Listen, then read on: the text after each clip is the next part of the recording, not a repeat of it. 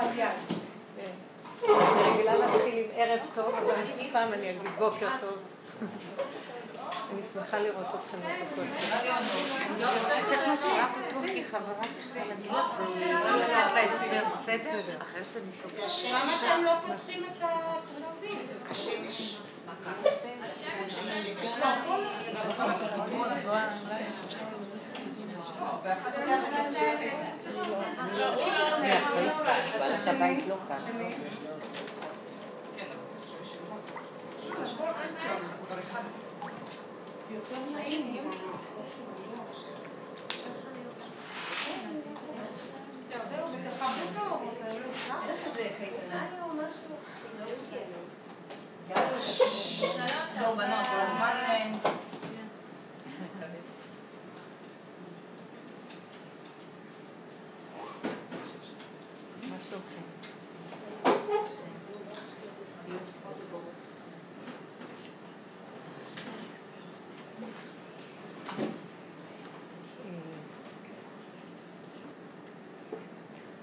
שאנחנו מדברים עליה היא אה, כבר הרבה זמן, ואלה שבאות בקביעות, זה...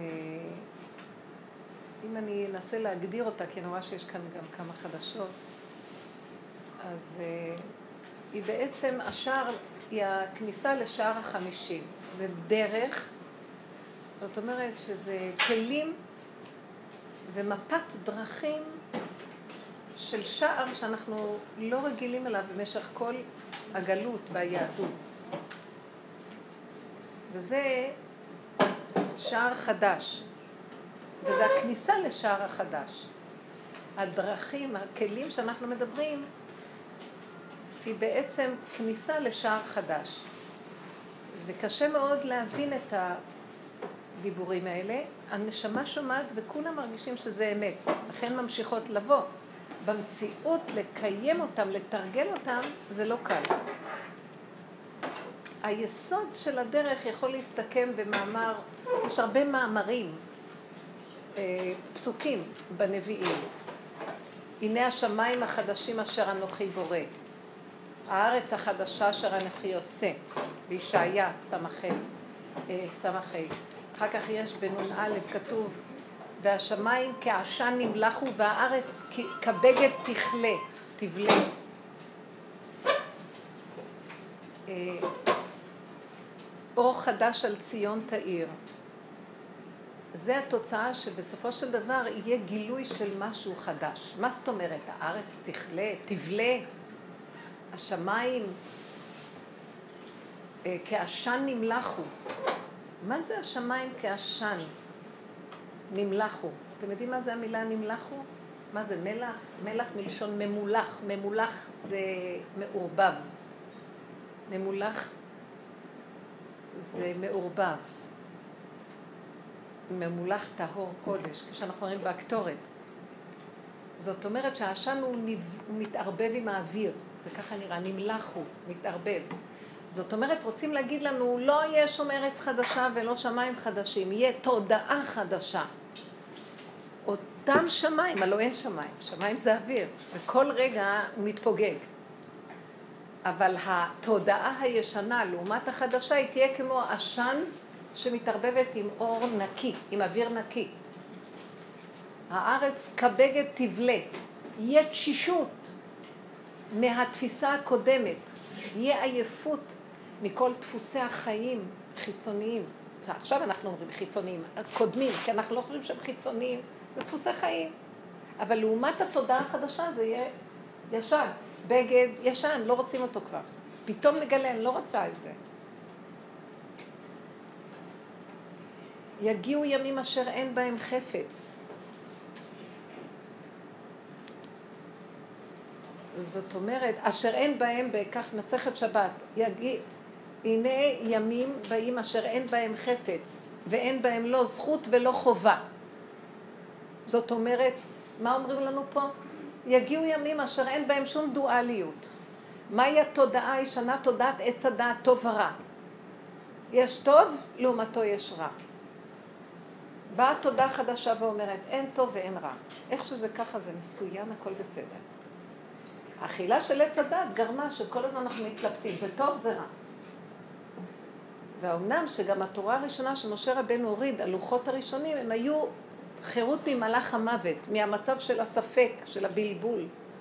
והפלפול של הגמרא בכל הדורות, מאחר ולא זכינו ללוחות הראשונים, אז אנחנו נכנסנו בבלבול, והתורה התלבשה בתוך הבלבול, וזה נקרא תלמוד בבלי, בלבול. וזה הפלפול כנגד הבלבול. כל הזמן מנסים להיכנס לאותו מוח של בלבול, מסועף, יער מסועף, שהוא בעצם דמיוני ולא קיים, אבל אנחנו כאילו עושים אותו קיים, עד שבסוף אין כלום. שכתוב עד ועב בסופה, בהתחלה אנחנו רבים ומתווכחים, תלמידי חכמים, ואחר כך הם אומרים שלום ואוהבים אחד את השני. בסוף אוהבים, כי מצאו שאין בעצם על מה לריב. וזה מה שהיה המהלך של התיקון של עץ הדעת, הוא כל הזמן להיכנס בסבך. אמרתי נכון, אמרתי, רציתי ככה, אולי אני אעשה ככה, לא ככה. אז מה יהיה המקום שיביא אותנו לתודעה החדשה? יאללה, לא חשוב מה שיהיה, העיקר שאני אנשום ואני אחיה, די, נמאס לי להיות כל כך במצוקה הזאת של כן ולא. זה בדברים של הרשות, זאת אומרת במידות. בדברי ההלכה החכמים בוררים לנו ומביאים לנו דבר דבור על אופניו, כדי שנוכל לדעת מה לקיים, וגם בתוך זה נהיו בלבול. כי לקראת הסוף ההתפלספות וההתפלפלות וההסתעפות וההסתבכות עם עץ הדעת, טוב ורע, יהיה כל כך קשה, נכנסים לחורים לזקים הסופיים שלו, ואז נראה כאילו אף אחד לא יודע מה לעשות עכשיו. וזה, תסתכלו על ההנהגה שיש עכשיו. זה שעה מאוד קשה, אבל זה הסוף. על המקום הזה אומר לנו הנביא, וזה הדרך שלנו. וזה יסוד הפסוק הזה, הוא מסמל לנו מה יסודות הדרך שאנחנו עובדים. כלומר, מהי הדרך? איך יוצאים מההסתעפות ואיך עולים על השאר החמישים. שהכל אמונה בפשטות. ויש מהלך, את לא יכולה לקפוץ. צריך מהלך, אומר לנו הכתוב. לך מי בוא בחדריך, סגור דלתיך בעדיך, חבי רגע עד יעבור זעם. הוא אומר לנו במילים אחרות, לך מי בוא בחדריך, מה זה בוא בחדריך? חדרים הפני, הפנימיים. לך פנימה, פנימה, פנימה, אחורה, אחורה, הלוא החדרים נמצאים, יש גינה, יש חצר, יש כניסה, יש סלון ויש חדרים. החדרים פירושם תתכנס. צמצום אחר צמצום פנימה, סגור דלתיך בעדיך, דלתות עץ הדעת טוב ורע. סגור את המוח הזה. וחבי רגע, עד יעבור זעם. החדרים האלה זה ממש מזכיר לי חדרי הלב, כאילו, ללב שלך. הביאני המלך חדריו. אני אומרת את הפסוק הזה ואני אומרת, חדר אב, האבא חודר. האבא זה יסוד האמונה. מדרגת האבא יסוד החוכמה. ואבא יסד ברטה. בקבלה הם אומרים האבא והבת, שזה המלכות, הדבר הכי אחרון, אפשר, היום האחרון, הדור האחרון, המציאות האחרונה, השער האחרון, חייב להיות מחובר לראשון שזה האבא, חוכמה. ראשית חוכמה. יראת השם, כי המלכות זה היראה והאבא זה החוכמה. הביאני המלך חדר אב. האבא חדר לחיינו. האבא חדר זה אבא. אבא תעזור לי, אבא אני לא יכול, אבא אני תקוע, אבא אני לא מבין, אבא אני לא יודע, תעזור לי. זה, המקום הזה מביא את המציאות של גילוי האב. מהו, מהו המקום הזה? כי יראה, בפרשת האזינו, כי יראה כי אוזלת יד ואפס עצור ועזוב. ואז, ואמר, אי אלוהינו, צור חסיו בו, איפה השם? שכחנו אותו. אבל אם לא נעשה לך מבוא בחדריך, לא נגיד את זה, כי מה יהיה? נתערבב עם הבלבולים. זה בחוב וזה בחוב, ומחלוקות, וכאבים. והכל מסתבר שאנחנו בעצם רוצים לשם שמיים. מה זאת אומרת? אנחנו רוצים לדעת מה הנקודה הנכונה. תדעו לכם, בעץ הדת אין נקודה נכונה. אם לא החכמים שהם קיבלו במסורה ממשה קיבל תורה מסיני, מסרה ליהושע, יהושע זקנים, זקנים ונביאים, נביאים לאנשי כנסת הגדולה וכן הלאה, עד הדורות שלנו, לא היינו יכולים לעמוד רגע אחד בבלבולים של העולם. ולקראת הסוף גם זה ייכנס לבלבול. זאת אומרת, הם באיזשהו מקום יודעים איך להיכנס בהסתעפות מבלי להיבלע, כי הם יודעים איך ללמוד את הנקודה. שאר האנשים הפשוטים כמונו, אסור לנו להיכנס במוח בכלל. כי המוח הזה מסעיר ומבלבל ומטשטש, זה התודעות של כל אומות העולם שחדרו אלינו, כל הקורסים לתודעות ומודעויות ותת-הכרה ובת-הכרה, לא יודעת מה, וכל השיטות למיניהם, הם בהסתעפות של עץ הדת. ואפילו שאפשר למצוא להם היתר מצד ההלכה, אבל הם מביאים את האדם לבלבולים. עוד לא גמר שיטה מסוימת, יבוא לשיטה אחרת. עוד לא גמר זה, הוא ירצה את זה. יגיד לו, לא, אבל שם יש משהו יותר טוב. ילך לשם, פרו בפיג'מה. אם לא הגבול שאנחנו יודעים, די, עד פה, לא נוכל להיכנס לשלב האחרון של הגאולה. ההנהגה שלקראת הסוף צריכה להיות הנהגה של אני לא מבין, אני לא יודע, אני לא יכול, לא רוצה גם להיות יכול. כי לאן זה מוביל אותי? מה זה עושה לי? הדמיה, כמו איזה אקמול שאני לוקח קצת להרגיע את המצב, אבל שוב פעם זה חוזר. הבלבולים חוזרים והבעיות חוזרות, וכל פעם נוצרות פתרונות לאותן בעיות וזה לא נגמר. יוצא בעצם שהתהליך האחרון יכריח, הבלבול, ההסתעפות, יכריח אותנו להגיע ליסוד האמונה. לך עמי בוא בחדריך סגור דלתך בעדיך, דלתות עץ הדעת, הסקאלה הזאת שהיא פתוחה והיא רחבה. ואנחנו נשאף כל הזמן להגיע לקו האמצע. מהו קו האמצע? כמו שבת. שבת. תראה כאילו כל מלאכתך עשויה. לא, אבל לא גמרתי, עוד מעט אני אגמור. לא, זהו, שבת וזהו. מה יהיה הכנה לשבת? עוד תקחי 40 דקות מנהג ירושלים להיכנס לשבת יותר מוקדם. זאת אומרת, והכינו את אשר יביאו. תכיני את עצמך עוד קודם. זה, את עוד יכולה קצת להסתבך, אבל כדאי לך להתחיל להכין קודם את ההכנה לכניסת השער הנכון. כי את לא תוכלי ליפול לתוך השבת עם הסערה, כל השבת תימשך לך הסערה. זאת אומרת שגם כשתבוא הגאולה אנחנו עוד נהיה סוערים. אם לא הכנו אותה קודם, מהי ההכנה? לך עמי בו בחדריך. סוד הצמצום, סוד הפשטות. איפה שאני רואה את עצמי במצוקה של משהו, אני יודעת שזה עץ הדעת טוב ורע. זאת אומרת, שני דברים שהם בסתירה ואין לי יכולת ליישב אותם. שני דברים שסותרים ואני לא יודעת מה להחליט בהם. זה עושה מצוקה. אם אין לי מי שיפסוק לי ככה, אז אני במצוקה. עכשיו, יש דברים שאני צריכה אותם בהלכה ופוסקים לי, אבל יש המון דברים של הרשות, שכל רגע ורגע ורגע את לא יודעת מה לעשות, אני אבשל את זה או את זה. אני עכשיו אלך לפגוש את הילד למעלה, או שאני אחכה לו עד שיגיע כי אין לי רגע כוח או משהו. כל כך הרבה דברים קטנים.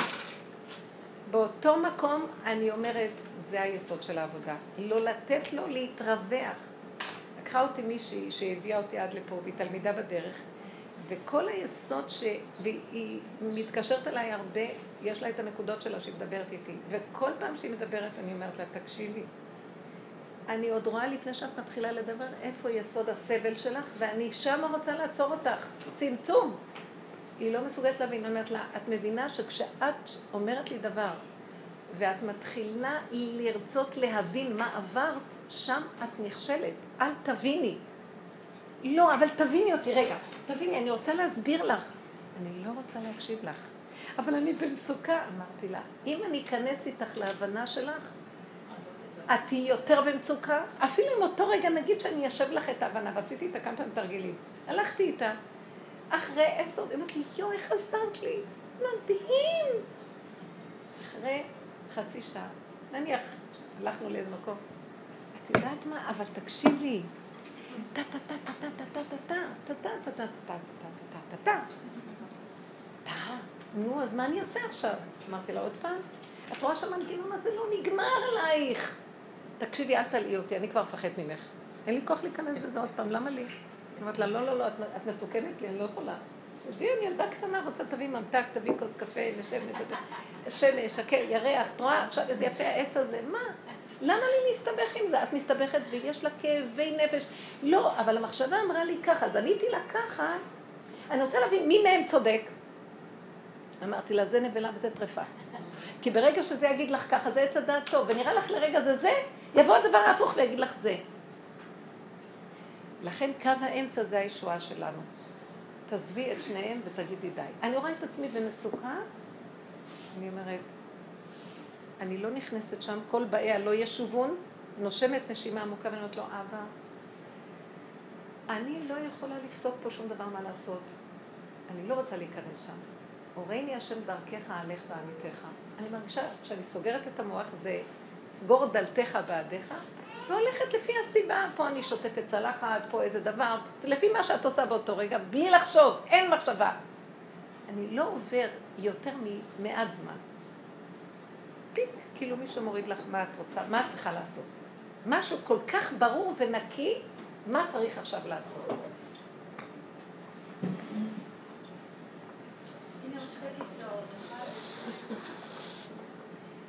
אז שנים אנחנו עבדנו, ואני חוזרת על היסודות של העבודה, ושנים עבדנו על המקום הזה. טיפ, טיפ איך להגיע למקום הזה. איך? טיפ קטן. שנים עבדנו על המקום הזה, וזה התחלת יסוד העבודה. בעבודת עץ הדת, היסוד של עץ הדת זה סור מרע ועשה טוב. וככה עבדנו 3,400 שנה מקבלת התורה, 500 כבר עוד מעט. סור מרע ועשה טוב. זאת אומרת שיש רע ויש טוב, תבחר בטוב. לקראת הסוף יהיה מצב של התערבבות, והשמיים נמלחו. מה זה השמיים נמלחו? התערבבו. ממולח אמרנו זה המילה של ערבוב. זה מפרש, הרד"ק מפרש. לערבב. הדעת של טוב ורע מתערבבת. לא את מה טוב מה רע. החכמים בפסיקה שלהם היום מתבלבלים, כולם. ויש דעות קשות ויש מצבים מאוד קשים במקומות הכי עמוקים של יסודות התורה, מחלוקות בתוך המקומות הכי חשובים של התורה. וזה מפחיד. ומחלוקת בחכמים היא מעלה.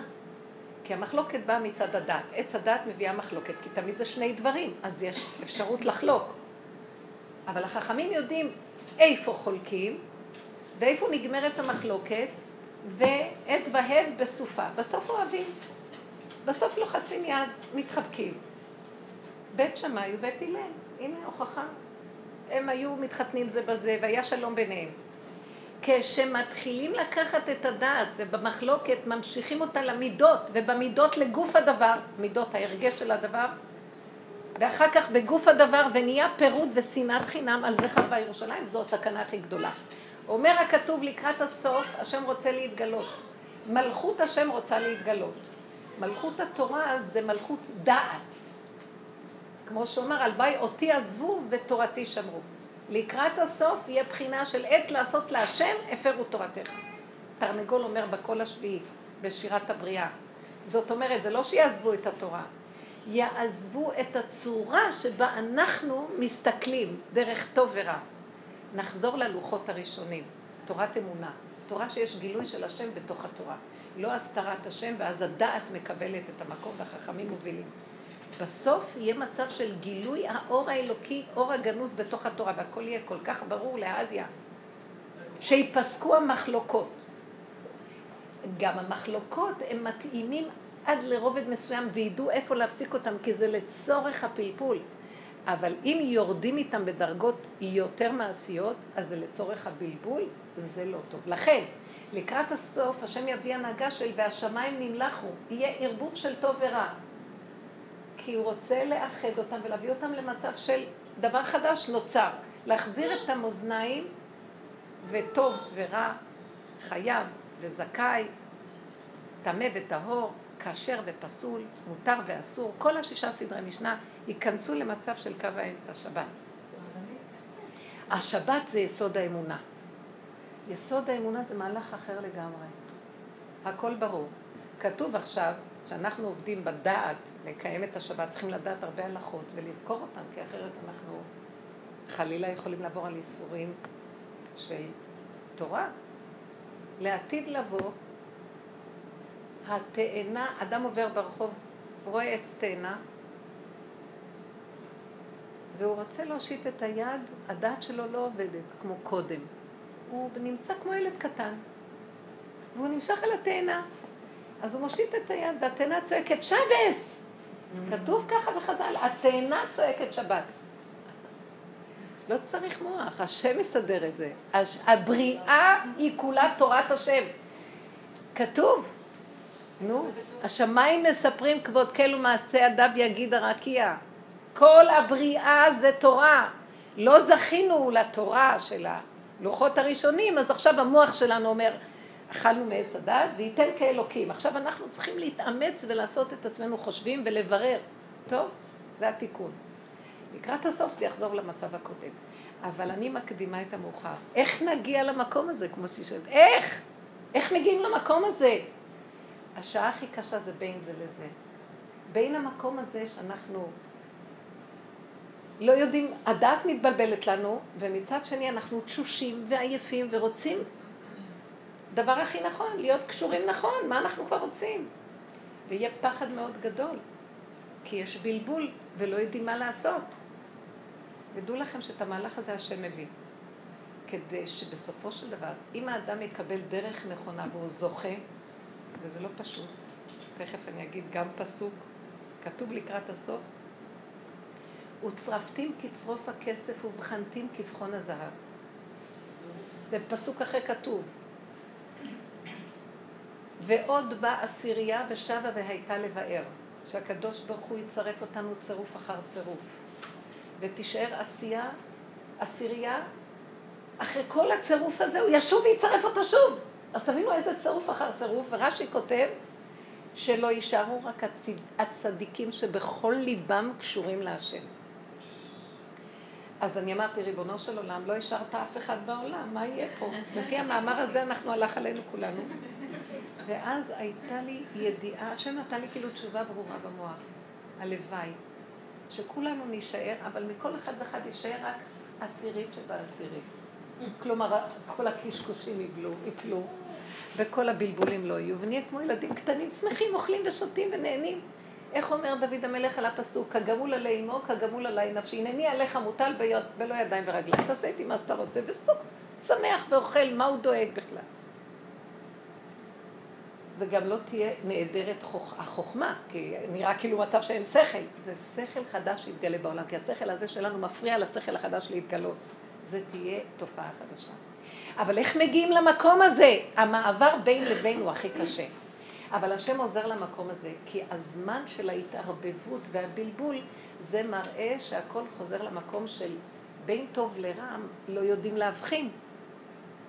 וזה המקום אם אנחנו ממשיכים לחשוב בזמן הזה, הלך עלינו. וואי, איזה סבל זה, שאת רוצה לדעת משהו כמו תחת, ולרגע יש לה איזה הערה, אבל אחרי רגע באה לה מחשבה אחרת סותרת, אז היא מנסה לענות לה מפה, אז בא לה משהו אחר, והיא במצוקה נוראית.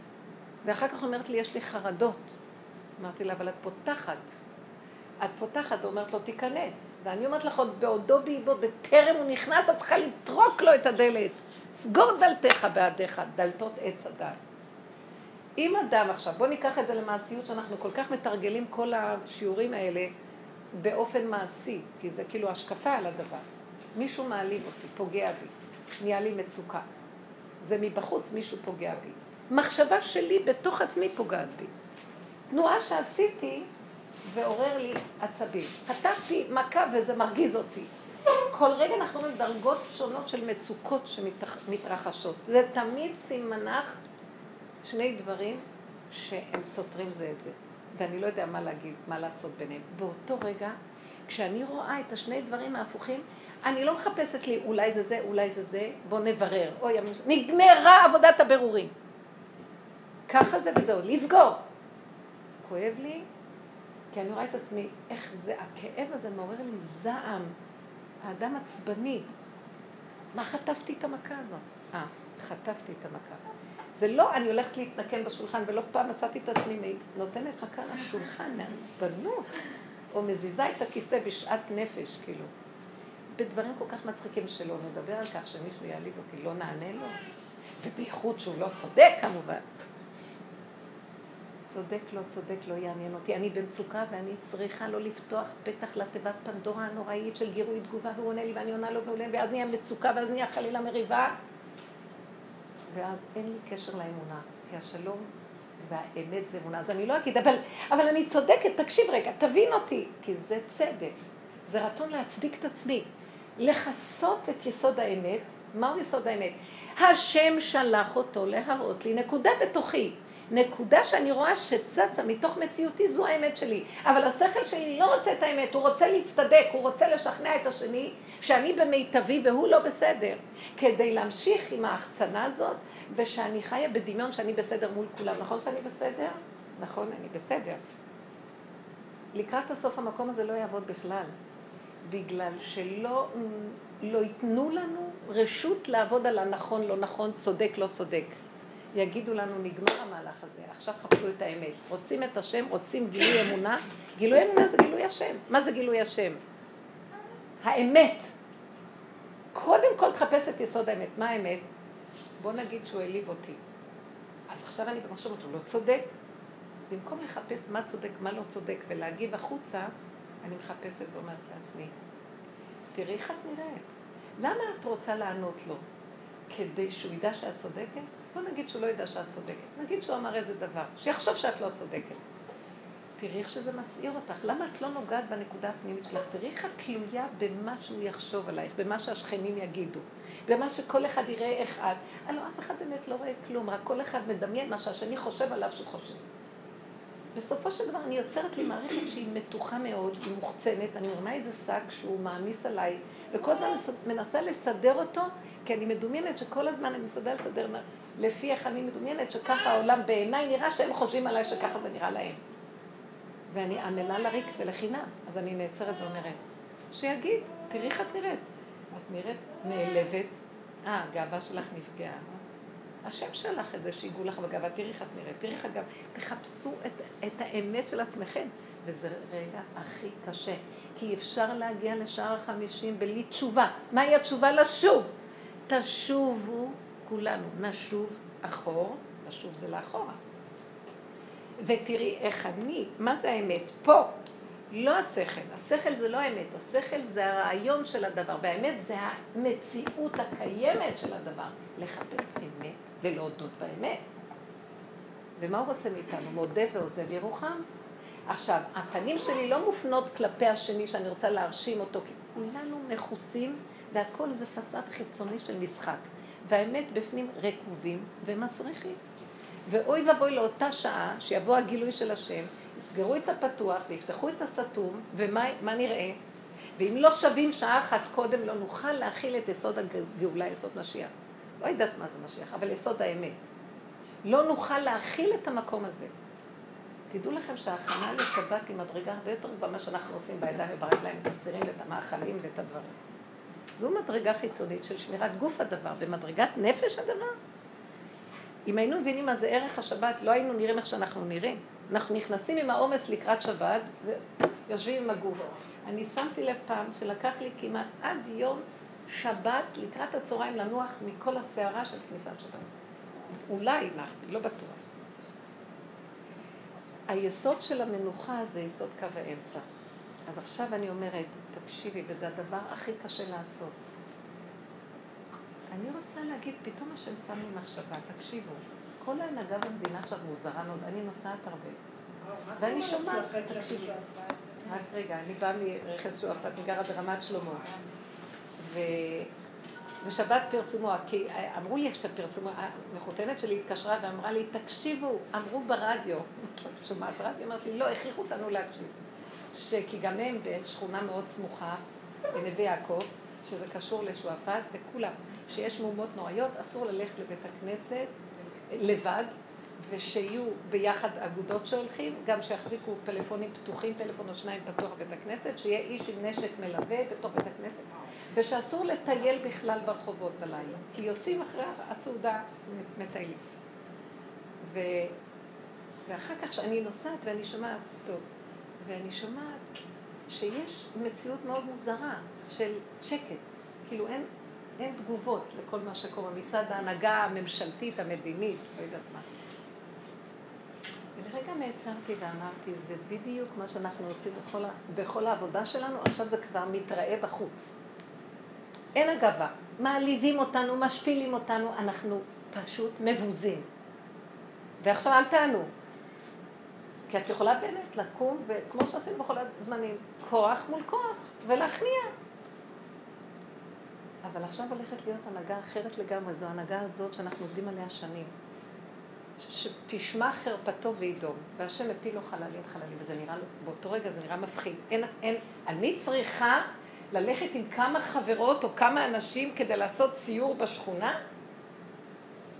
כאילו, איפה, איפה המשטרה, איפה הממשלה? מה זה פה ההנהגה הזאת? אין הנהגה.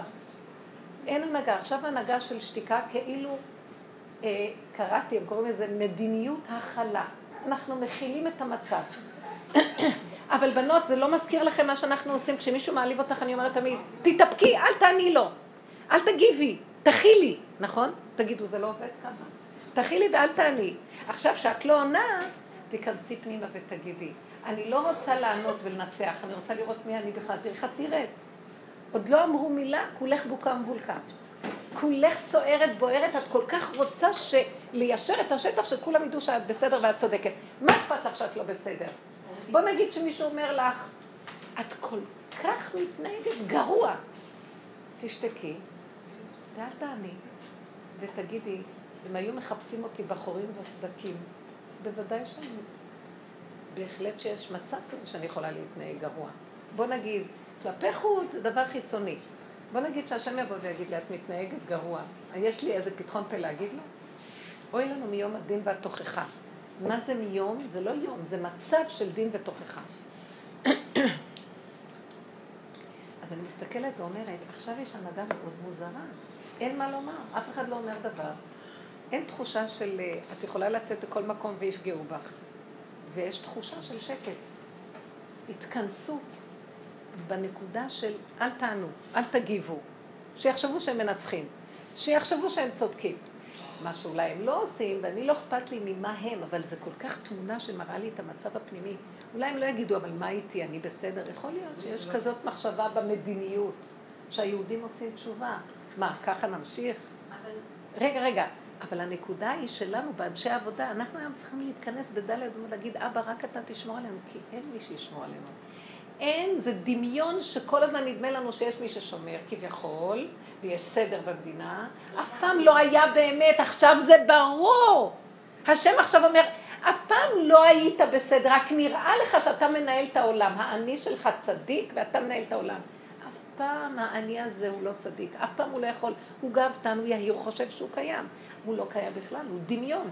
הוא רשת של הסתעפות של יער אבות, של הסתעפות בכלל, של מחשבות שלא קיימות בכלל. זה רק דמיון הכל.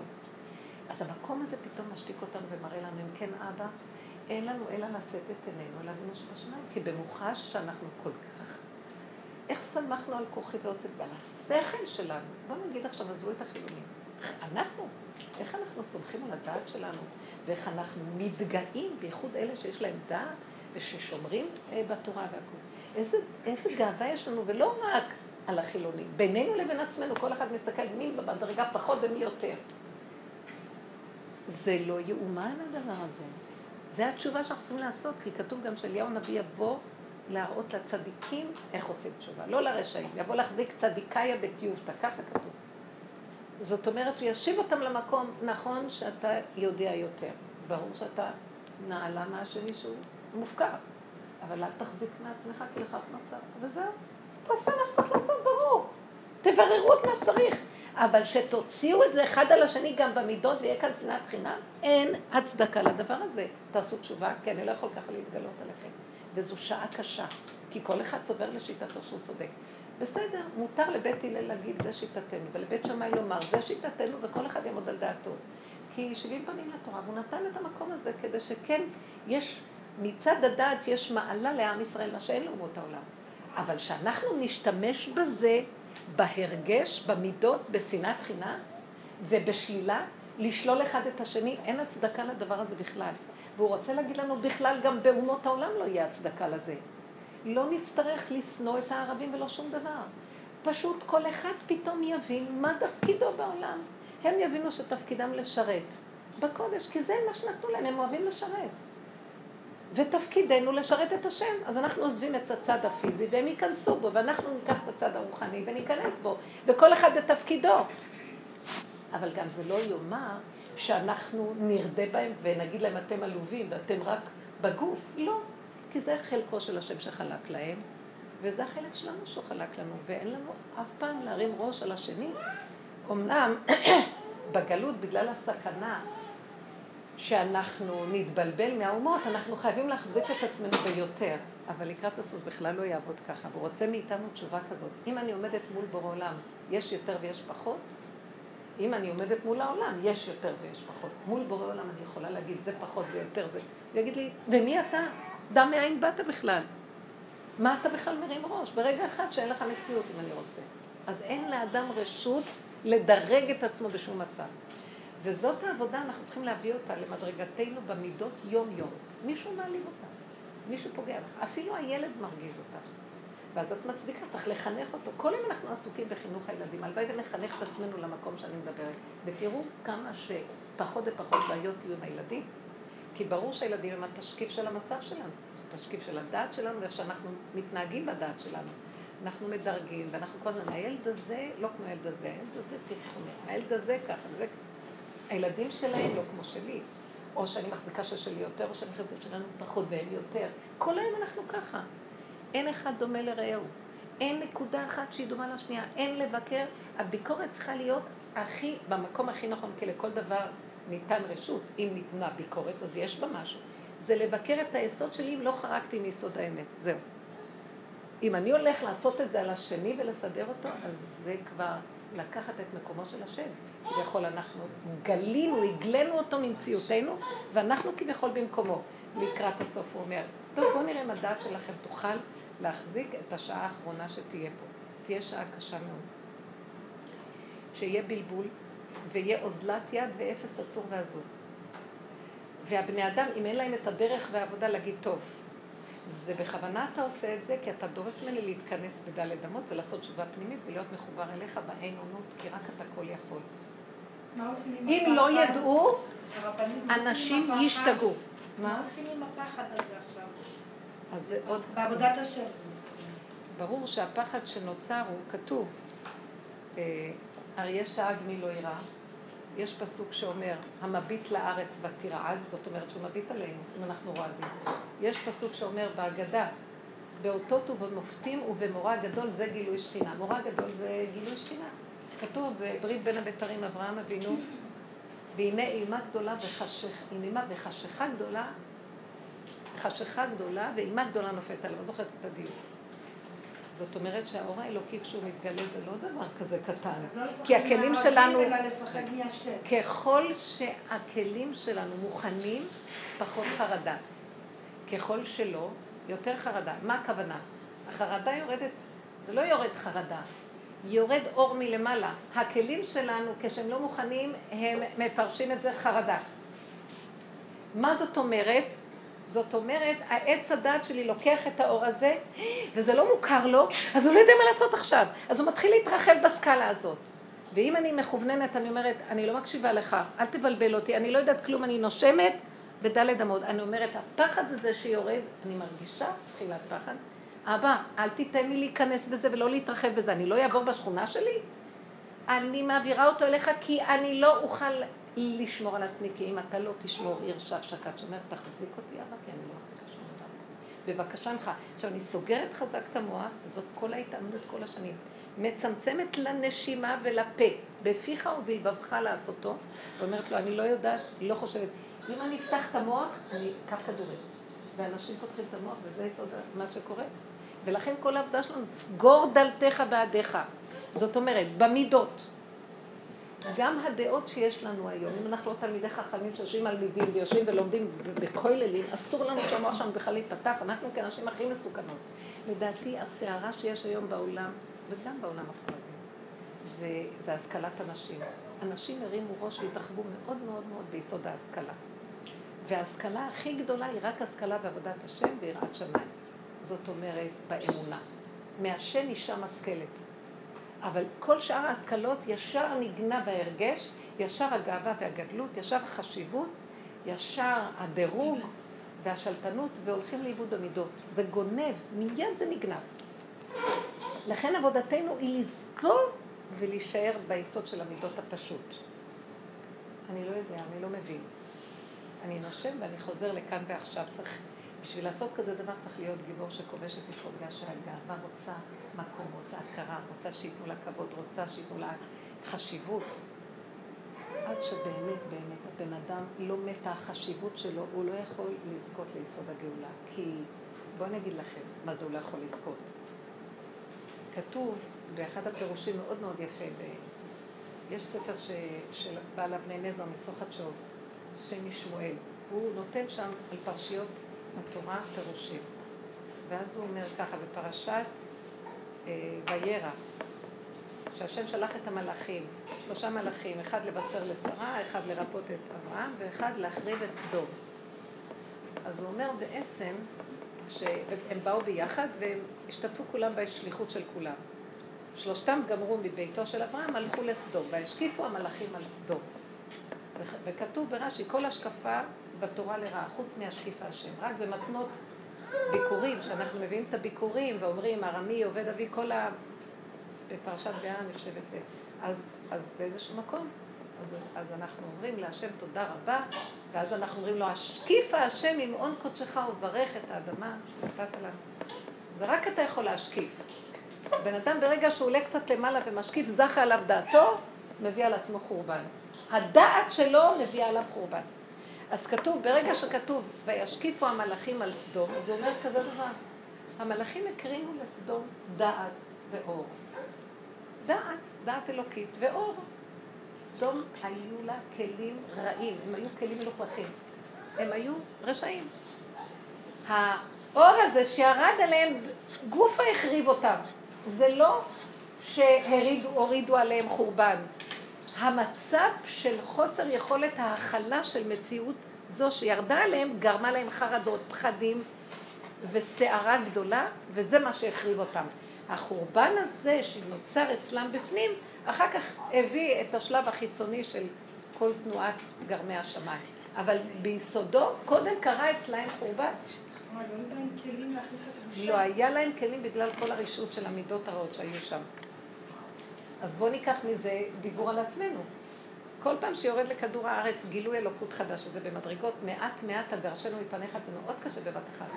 אז צריך להבין, הבני אדם נכנסים למצוקות. המצוקות האלה זה לא, זה הערה אלוקית שהדעת שלנו, כשהיא לא בנויה באמונה והיא לא ממוקדת והיא לא נכונה, היא גורמת לנו בלבולים.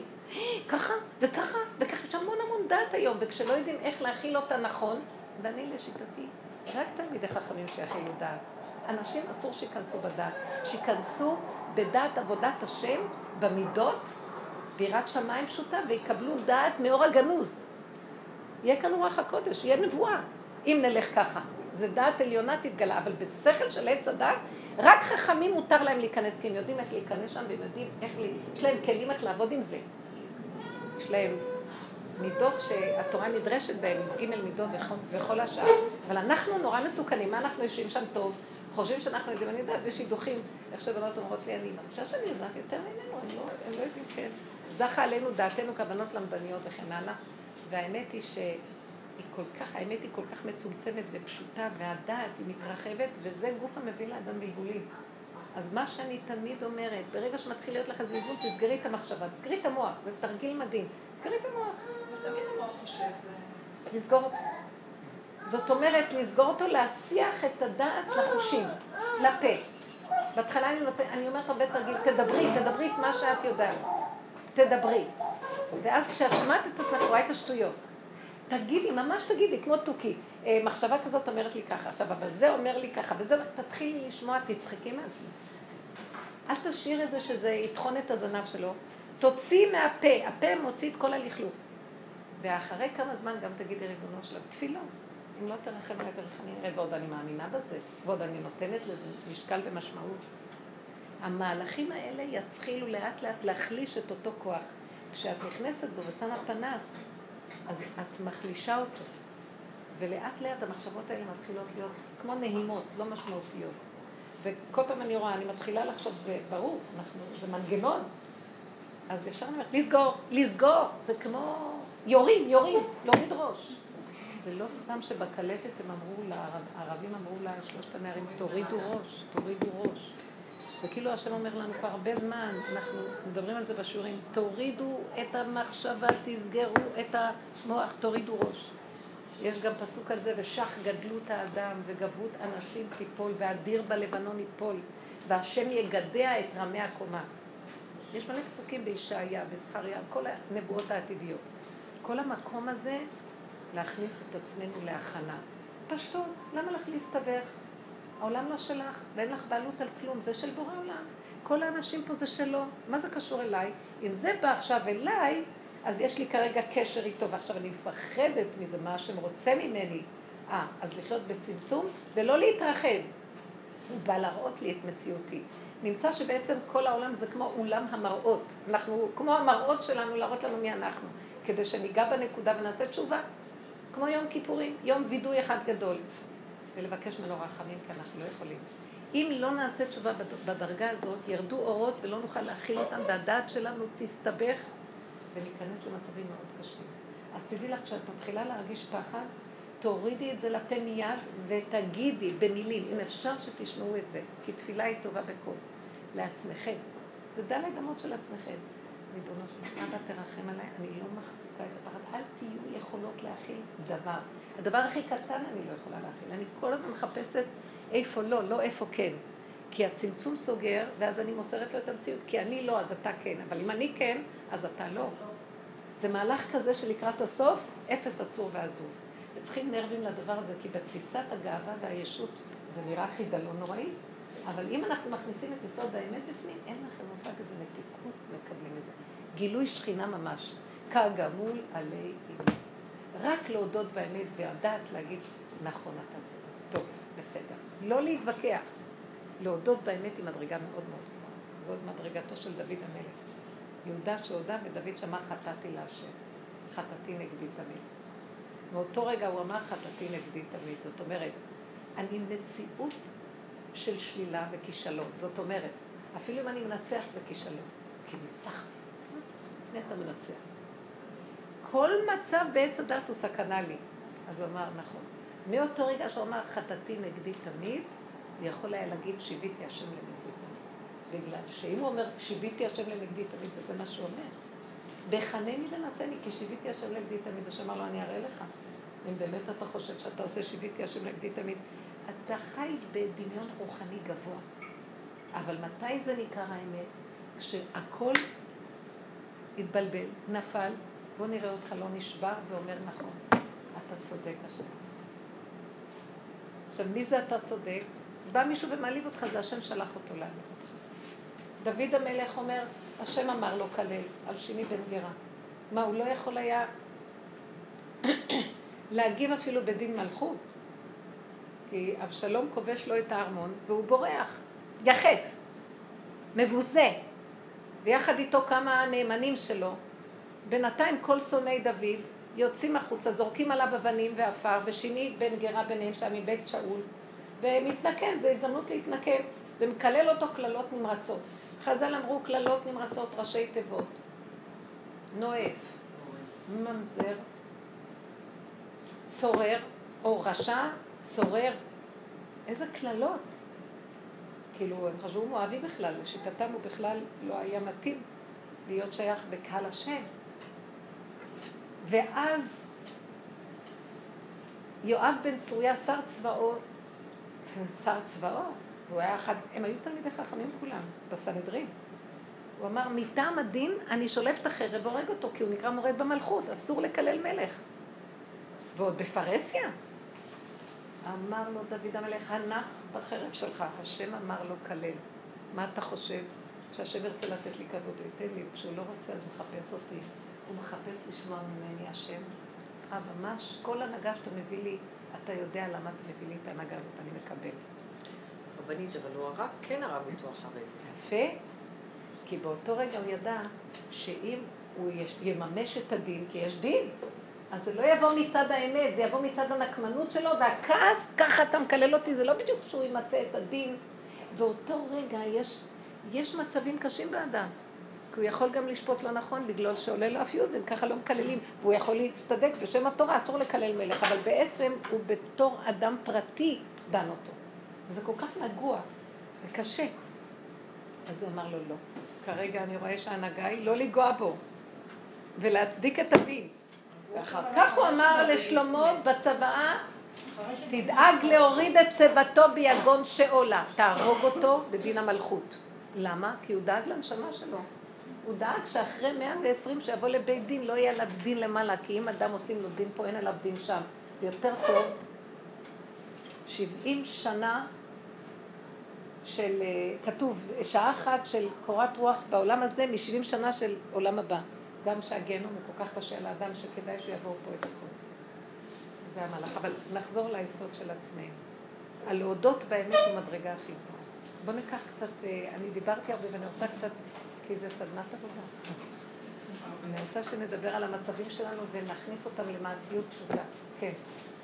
השבוע, כשהלכתי לישון בלילה, אה, בעקבות כל מה שקרה עם החטופים, וכמו שההורים דיברה שהיום על הפחד, אז אה, מצאתי את עצמי במיטה, כאילו, מנסה לישון, אבל קובצת, לא, הגוף כאילו תפוס מפחד.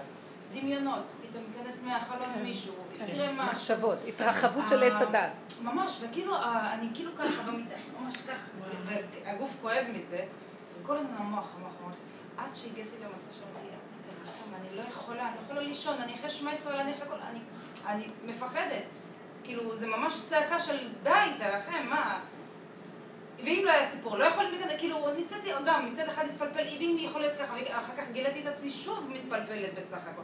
די, כאילו, תרחם עליי, זהו, לא מסוגלת. לא מבינים וככה פשוט אני כבר לא זוכרת, לדעתי כבר נרדמתי. צעק, אבל זה. ממש אחרי ה... זה כמו סיר לחץ שמבעבע, מבעבע, ואז אה, אה, מתפוצץ. אם היינו מבינים כמה המוח הזה מסוכן, בייחוד עכשיו, אני אומרת לכם, עכשיו, אם אנחנו שומעים את השיעורים, שומעים הרבה זמן, אני מבקשת שתיקחו את זה בדרגת מחויבות, לא כאילו שומעים ונראה. בנפשנו הדבר, אם אתם משאירים את המוח פתוח, אני אומרת לכם, רגע אחד שיהודי סובל, השכינה סובלת מולו. אתם רוצים שהשכינה תגאל אותנו, אתם צריכים לגאול אותה כדי שהיא תגאל אותנו. ככה זה עובד. את צריכה לצעוק, אבא, אל תיתן לשטן הזה להשתלט עליי ולבלבל אותי ולהכניס אותי בחרדות שנכנסים בפנים, מאוד קשה לצאת מזה. מאוד. כשזה כבר בפנים, מאוד קשה. לכן עבודתנו, לא להאמין, אל תאמינו בכלום, שקר. את נושמת, זה מה שאמת. חוץ מזה הכל שקר. את רואה כיסא, שולחן, זה יותר אמיתי מהמחשבה. שתהיה המחשבה הכי נעלה. כל הרוחניות תיפול, כי גם זה מחשבות, וזה גם מדרגות של אוויר. יישאר דבר פשוט. תראו, ביסודו של דבר, דור המדבר הוא נקרא דור דעה. לא היה דור דעה יותר גדול, דעתן, מאשר דור הדעה של המדבר. וכששלחו את המרגלים, והמרגלים נכנסו לארץ ישראל, בעצם המרגלים ראו מצב אמיתי, שמאוד קשה פה. מאוד קשה פה, ההנהגה פה היא מאוד מאוד קשה. זו הנהגה של טבע הכי קשה מכל אומות העולם. הם ראו ענקים, הם ראו מידות רעות, הם ראו... אה, בואי תסתכלו רגע על היסוד של הערבים מסביבנו. תראו, אין שם שכל. דבר הכי קטן מדליק אותם, הם ישקרו, הם יעשו, הם, הם יהרגו, ירצחו, יהרגו אחד את השני בשביל איזה רגע של התלהמות. אין עם מי לדבר. את לא יכולה לגשת לאנשים כאלה עם שכל בשום צורה. והם היו דור דעה, דור המדבר, אז הם אמרו, לא, לא, לא, לא, לא, לא, לא. נשאר במדבר. מה חסר לנו? יושבים באוהלה של תורה, משה רבנו הרב שלהם, גדול הדור. ענני כבוד, הבאר, המן, למה שניכנס לארץ ישראל? ובאמת למה? רוחני זה דבר גבוה, בשביל מה צריך כל הגשמי הזה? אבל מה המהלך של תכלית כל הבריאה הזאת? שיתבע הקדוש ברוך הוא שתהיה לו דירה בתחתונים, זה הבית מקדש מעט. ארץ ישראל היא הארץ הכי מגושמת. את נכנסת לארץ ישראל, את מתגשמת. אני זוכרת שהיו תקופות שהביאו עלייה מרוסיה, וזה אמרו לא להביא אותם לפה, בחילונים, אלא שם נחזיר אותם ואחר כך נביא אותם. כי אם יבואו לפה חילונים, הם יישארו חילונים. כאילו מחזיקים אותם, מכניסים אותם לאש של תנור שמגבשת אותם. מאוד קשה פה. המקום, באו יהודים כאן בעליות שונות והלכו לאיבוד. המקום הרוחני הוא לא מקום של אמת, הוא מקום של רוח, אבל ארץ ישראל היא אמת. מה התכלית של כל הבריאה הזאת? זה ארץ ישראל. ממדרגה למדרגה למדרגה, ממדרגת הנשמה למדרגת הרוח למדרגת הנפש למדרגת גוף. חורשים, זורעים, שותלים, לקט, שכחה, פאה, עולים לרגל, מצוות התלויות בארץ ישראל, מעשיות פשוטה, זה המדרגה. נשב בעולה של תורה, אומר הקדוש ברוך הוא. זה התאווה שלי, להוריד את האור הכי עליון למדרגת האבן, הדומם. באמת מצינו, ואחד המפרשים מביא את זה, שהמעלה של בניין בית המקדש שבנה שלמה הוא מעלה יותר גדולה מאוהל מועד שבנה משה ומשכן שילה. כי אוהל מועד שבנה משה רבנו היה מהצומח והחי. עצי, עצי שיטים, הביאו אותם עצי שיטים ובנו זה הקרשים, והאורות חשים והאלים מועדמים ששמו למעלה. במשכן שילה הם כבר בנו חלק אבנים, ואחר כך שמו את הקרשים ועל זה את התחשים. משכן שלמה, במשכן שילה, משכן שלמה כולו אבנים. כולו דומם, לכן מעלתו יותר גדולה. הם הורידו את האור הכי גבוה למדרגה הכי הכי דוממת. זאת אומרת שהמעלה שהקדוש ברוך הוא רצה שניכנס לארץ ישראל זה להיות בין מידות הדבר. שבעה עמים שהיו כאן מסמלים את שבע המידות הרעות. לכבוש אותם ולשבת, וביסוד של המידות. ברור שהוא יוריד אור של תורה, והאור של התורה הוא גם בדעת, אבל זו דעת גנוזה מכיוון אחר. עובדה, היו גם בזמן התנאים, שהיו תנאים שלמדו וגם עסקו, כי זה מאחר וחולשת הדורות גרמה, אנחנו לא יכולים גם לעשות זה וגם זה, אז אנחנו מתרכזים בזה בעיקר בתיקון של עץ הדת, זה הפלפול. אבל בסופו של דבר המעלה היותר גדולה זה היסוד של המעשיות. ככל שאנחנו יורדים למעשיות הפשוטה וחיים כל רגע בדבקות הבורא, אפילו באיזשהו מקום קראתי על לשם, הוא כותב, ש, אה, שאפילו לא נצטרך לקראת הסוף לברך, כי פינו וליבנו יהיה שווים. כי עכשיו אנחנו צריכים לעורר את הדעת כדי להזכיר לנו, כי אם לא, כל המצוות תלויות בדיבור. אבל לקראת הסוף הבשר יזכיר לנו, ויהיה גילוי אלוקות, אז יהיה ברור הכל. לא יצטרכו לעורר שום דעת שתזכיר, כי הכל יהיה זוכר מעצמו, הבשר יזכור מעצמו. אז נמצא שהמהלך הכי נמוך הוא בעצם המהלך הכי גבוה, אם נגיע בירידה להוריד את זה למדרגה הכי נמוכה. לכן השם הקפיד על המרגלים. כל התכלית של כל המדבר הזה זה להגיע לארץ ישראל, ואתם אומרים לשב במדבר, רוחני זה לא התכלית. מדרגת נפש, מדרגת אמונה פשוטה במעשיות פשוטה, זו המדרגה הגבוהה. לכן אמרו שנשים, בזכות נשים עתידה גאולה, גם היה אז. כי לנשים יש את החלק הזה של אפשרות לרדת יותר בפשטות ולהביא את ההתחלה של המקום של הפשטות. פשטות, לא להתווכח, לא להתנצח, לא להתבלבל, פעולות פשוטות, מתיקות וערבות, נהנתנות ושמחה, הכרת הטוב והודיה. זה מה שאנחנו רוצים. אחר כך יבואו לשם הגברים, ואז השם ייתן להם דעת מסוג אחר בלימוד התורה. אנחנו מאוד מאוד תקועים, ולדעתי מה שקורה היום עם הנשים, אנחנו גורמות שגם הגברים נתקעים. בזכות התרחבות הדעת, וכאילו אנחנו במיטבנו משכילים, ויש עכשיו הזרמה לכיוון ההשכלה, והחשיבות שלה, וכן הלאה וכן הלאה, וזה ממש שעה קשה. כן. אה, לשאול, אה, יותר קל לי, דיברנו קודם על שבן אדם פוגע בך, זה יותר קל לי לחשוב איך אני עוצר את עצמי, אבל כשאני עם הילדים, כשאני צריכה להחליט, אמא, אפשר ללכת לישון אצל חברה, אמא, אפשר לא להתקלח היום, אמא. כל הזמן ישר, כן, אה, למה שאני לא אתן לה? רגע, אבל היא לא ישנה טוב אתמול בלילה, אבל עכשיו זה יותר קשה לי אתם יודעים, אתם יודעים שכל השאלות של הילדים זה בגללנו, אנחנו בלבלנו אותם עם הרבה אפשרויות. הם מצידם מאוד פשוטים, ילדים אוכלים חתיכת לחם טוב להם, הם יושבים במקום אחד, יכולים למצוא המון דברים שאת לא רואה איך, במה הם ישחקו עם הכיסא ועם הסרגל ועם המקל ועם השולחן ועם הבד ועם זה, מה גם שיש כל כך הרבה צעצועים בבית וכל כך הרבה דברים. שאם יש להם בלבולים במוח מה לעשות, אמא, מה אני אעשה? משעמם לי, זה כזה דבר שקורה היום. אולי אני אלך לפה, התנועה והרצון, ואין שקט, זה בגלל שאנחנו התשקיף, שהם התשקיף שלנו בעצם. אנחנו ממחישים להם את הבלבול והקלקול שלנו, בסוף זה חוזר אלינו. אז לכן אני הרבה פעמים אומרת שההתחלה של כל התיקון של מה שקורה שם, זה לא שם, זה פה. נכון שיש שעה קשה, שכמו עכשיו במדינה, אין הנהגה, אין הנהגה. את נכנסת בדלת אמות ואת אומרת, אני לא יודעת מה להגיד לה. אז תרבי להתוודות ולבקש מהשם בשקט. תדעו לכם, תקשרו את עצמכם בכל מצב לדיבור ולהשם.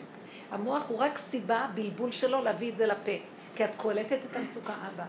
קטונתי מלהכיל, אני לא יכולה, אני, אני רואה עכשיו כל הבלבול של הילדים והנדנות שלהם, והם משגעים אותי, זה בגלל שגם אני יצרתי את המצב הזה. כל החברה והתרבות יוצרת את זה. ועכשיו אני תקועה במצב כזה, שאני אוכלת אותה, את מה שיגור אותי בא לי. אז אני באיזשהו מקום, תרחם עליי, תעזור לי, תן לי להתכנס ברגיעות, בנשימה עמוקה, תן לי עמוד שדרה וביטחון ברגע הזה ההווה, בהוויה הפנימית של עכשיו. מה עכשיו, אנחנו נושמים? מסתכלת עבד, מה רע לך פה איתי? איזה כיף פה ביחד, בואי נשב פה, תשבי איתי. נכון שזה קשה בהתחלה, ואני ראיתי שאני התחלתי את הדרך הזאת. אני זוכרת שבאיזה שלב החלטתי, אני לא נוגעת בילדים. אני רק נוגעת בעצמי. הייתי חייבת להתחיל לתרגם. ואז היה כאוס בבית. היה צעקות, וזה הלך ככה, וזה עשה ככה, והיה נראה, ובעלי היה אומר, אין פה, את לא מנהיגה, את לא מחנכת, אין, מה קרה לך? אין הנהגה פה. ואז הייתי מנסה להסביר לו את המקום שלי. אז הוא אומר, זה נשמע שכלי, אבל זה, תראי, זה מסוכן. אז אמרתי לו, אז תתפלל עליי, אני אתפלל גם. אבל זה טיפול שורש, תעזור לי. הוא מאוד הבין אותי. ואז אני ראיתי, כי דיברתי איתו ברכות, כי אמרתי לו, תשמע, אני לא יכולה לעמוד בזה. אתה בא לשעה אחת, ואם... ואתה יכול להכיל אותם עשר דקות של נדנוד. שלושת רבעי שעה נוספים, אתה תשתגע עליהם. אז תראה, אני כל היום איתם, לא נגיד כל היום, גם אנחנו לא כל היום, אבל אנחנו הרבה שעות איתם, נשים, עבדים, שוטים וילדים, שמו אותם בקטגוריה אחת, הם יכולים לשגע את בני אדם. אז תעזור לי, אני לא יודעת מה לעשות, אני גם בן אדם, אני לא יכולה. אז הוא הסתכל עליי והוא הבין, ביקשתי ממנו עזרה. ואז ראיתי, לקח איזה שלושה חודשים, וכל פעם שהוא הסתכל עליי והיה מאוד נבוך, אמרתי לו, סבלנות. ראש האמונה זה סבלנות. ולאט לאט ראינו דבר מדהים. כאילו יד נעלמה נכנסה ועשתה סדר. פתאום זה תפס את המקום בפינה הזאת. הבית נהיה שקט.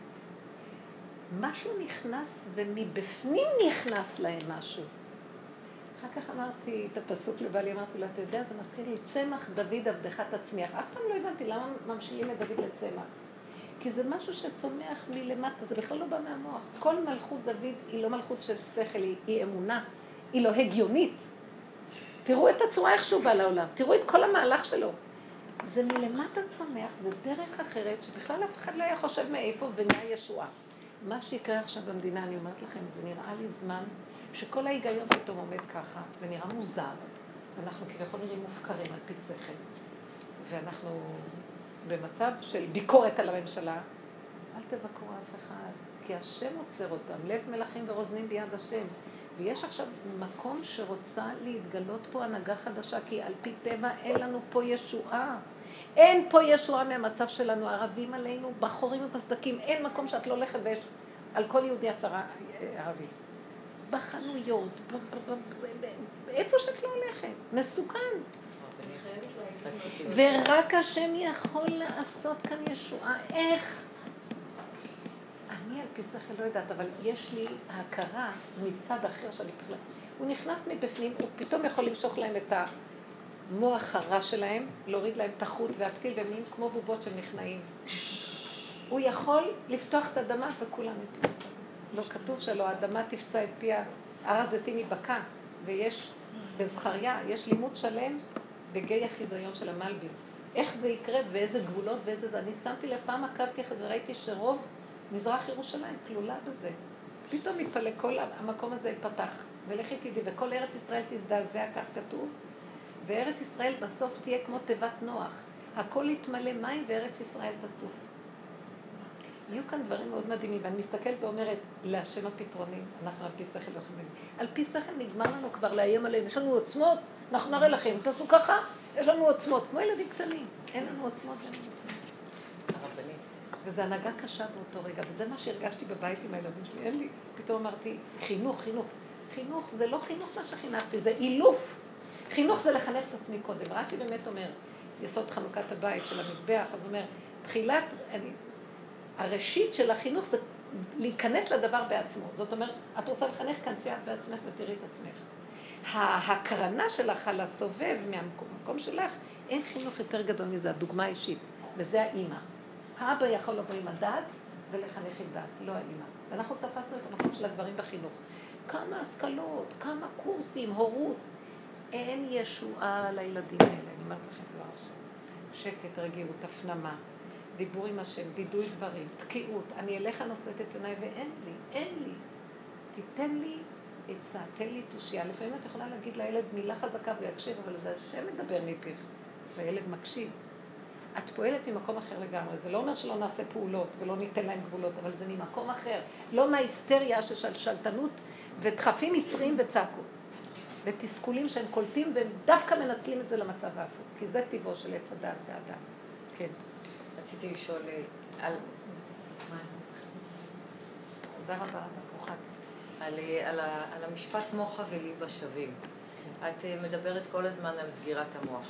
ויש תהליך שקורה גם ברגש. אה, הרי סוגרים את המוח וסוגרים את המוח, ואני שמה לב שהרגש שלי גם מקבל, אה, זאת אומרת, הרגש הוא כבר לא רגש של טבע. זאת אומרת, אה, אם, אם משהו שפעם היה מכאיב לי והיה משבית אותי שבוע, היום אני יכולה להסתכל על זה ועוברת שעה, שעתיים ואני כבר יצאתי איזה מזה. יופי, איזה התקדמות. מבחינתי זה ממש זה התקדמות. ישועה. אין ישועה יותר גדולה. הגאולה מתחילה פה, גאולת הפרט. משיח הפרט הוא פה. אני לא יודעת מה זה משיח, זה פה. ההתאמנות מביאה למקומות האלה. ואז... אז, אז, אז זאת אומרת, מוחה וליבה שווים, כשחזרת בתשובה שמעתי את זה מרבנים. ולא הבנתי מה זה המושג הזה של מוחה וליבה שווים. זאת אומרת, האם, האם אה, בעצם... זאת אומרת, האם הסגירת מוח מביאה לאיזשהו מצב ברגש שהוא, אה, שאת אומרת, זה קו האמצע? זאת אומרת, זה לא טוב ולא רע, ו, ולא כואב ולא... זאת אומרת, יש משהו מאוד קר, נראה כאילו שזה קר. כן. אבל זה, זה עושה לי. טוב, זה שלווה. זה, לי זה עושה טוב. יפה מאוד. תראי, אני אגיד לך איך נראה התהליך, מה שהשם חונן אותי להבין. אה, יופ, השכל הוא אור אלוקי. תמיד הוא אור אלוקי, השכל. שכל זה דבר גבוה.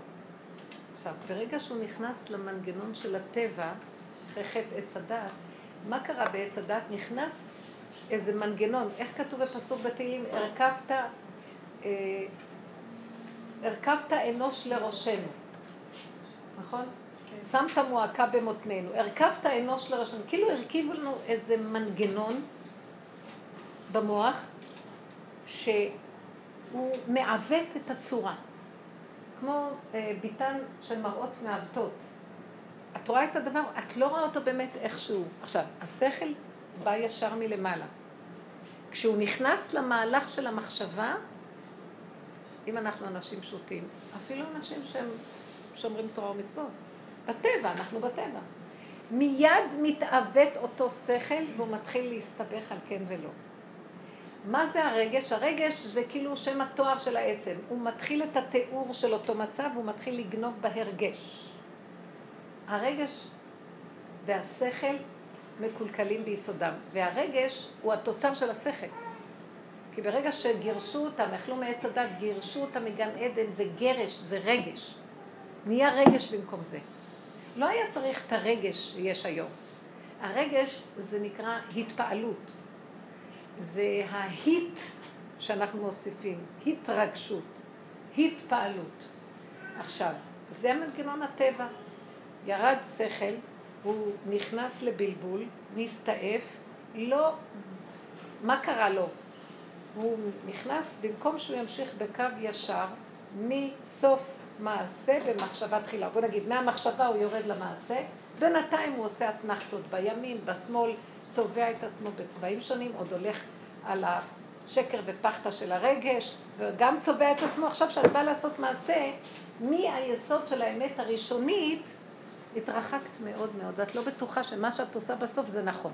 על זה אמרו החכמים, ועשית ככל אשר יורוך, יש מצווה בתורה, שאפילו חכמים יגידו לך על שמאל שימין, אז תקשיב להם, אבל אני רואה במוחה שזה שמאל, מה אתה אומר לי שזה ימין? אתה לא רואה נכון, אני רואה יותר נכון ממך, החכם אומר. עד כדי כך אנחנו לא יכולים לסמוך על עצמנו. נמצא שאם היינו מבינים את המקום הזה, אז היינו אומרים, וואי, פעם היה רב אושר, שזה כלים שהוא נתן לכל הדרך הזאת. הוא התאמן בזה מאוד מאוד, והיה איש אמונות, ידיו רב לו, ממש בעל חסד גדול בצד האמונה, איש האמת, איש החסד. אז הוא אמר, הוא היה צריך ללכת, היו שואלים אותו שאלות, והוא היה כלי נקי, והוא היה נותן תשובות. אז פעם הוא היה צריך לנסוע לחוץ לארץ ואמר לו, רבי לי פרוש אמר לו, אתה נוסע ועכשיו את מי אני אשאל אם אני צריך לשאול? אז הוא אמר לו, עשיתם אותי אדמו"ר, ובכלל זה לא הכיוון, אני רק מורה דרך של הנקודות שאני רוצה שתעשו בעצמכם. אז מה הבעיה, אומר לו? תסגור את המוח, והמחשבה הראשונה שתרד לך אחרי שסגרת, זו התשובה. לא, תסגור, תשאל את השאלה, והמחשבה הראשונה שתבוא, אז הוא אומר לו, הוראה קלה ביותר אתה נותן לי. הוא אמר לו, על זה אני מתאמן כל החיים. זאת אומרת, המחשבה הראשונית שיורדת, היא נכונה. בוא נתפוס אותה לפני שהיא מסתבכת, על זה אמרו, בסופו של דבר מוח ולב שווים. תסגור את המוח ותוריד אותו ישר, השתוות הצורה. זה התרגיל הכי גדול בחיים, וזה רוח הקודש בעצם.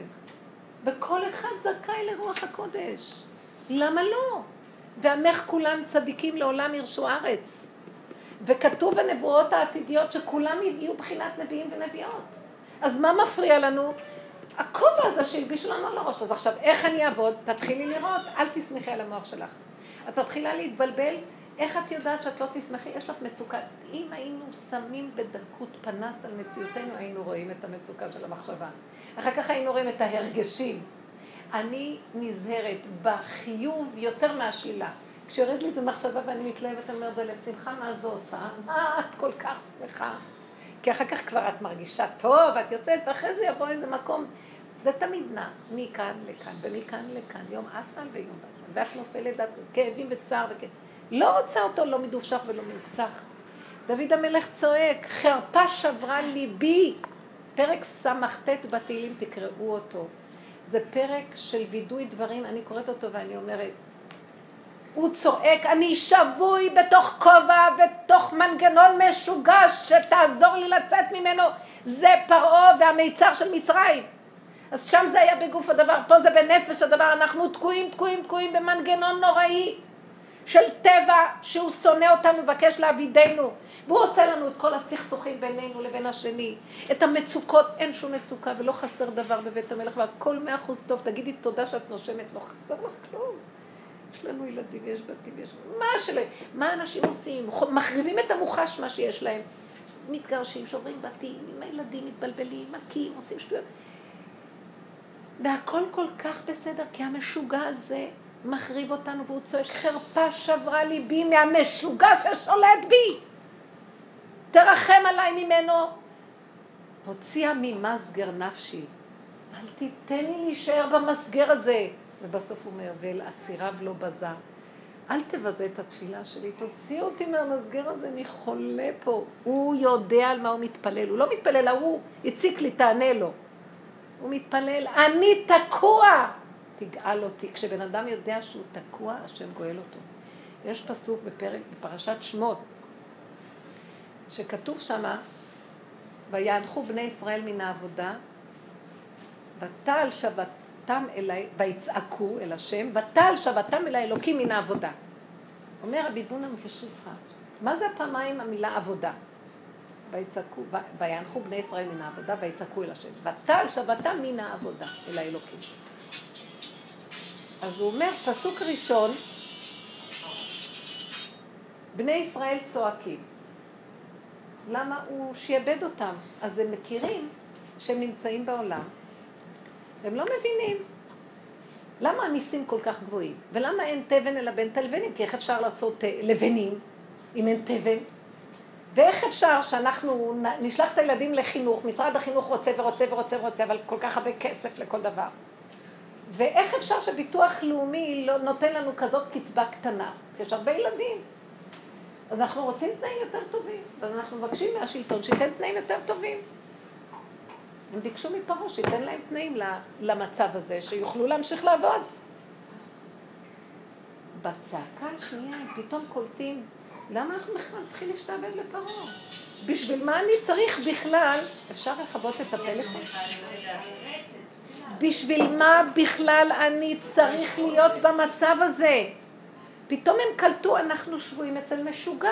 אז יום אחד הוא לוקח את זה ונותן את זה, ומחר הוא לוקח את זה, אז הוא ייתן קצת מזה, ואני כל היום תלוי בו, נו, תיתן לי קצת, בבקשה תיטיב לי את התנאים, בבקשה תעזור לי בזה, ואחר כך תודה איזה מותק אתה, איזה ביטוח לאומי, הם ממש מוסד שאכפת לו מהציבור. רשעים, לקחו את הכסף של האזרח, ושולטים בו, וזורקים לו גרוש. ואז הוא אומר עוד קצת, גרוש, זה הכסף שלך, משוגע, למה אתה בכלל משתעבד? ואז הם ראו פתאום את מצבם, איך בכלל נשמות יהודיות יכולות להשתעבד לממסד כל כך טיפשי, והם נתנו צעקה מזה. זה הסמ"ט של התהילים. אני רואה את עצמי תקוע במשוגע שחושב, הוא חושב שהוא חכם, ואחר כך הוא מתרגש, והוא חושב שהוא יודע ומבין, וכולו טרפה ונבלה. כולו תקוע תקיעות עולם. יום ככה ויום ככה ויום ככה, ונראה לו יום אחד, הנה פתרתי ואני כבר מסודר, ולמחרת ערימה של בעיות חדשות.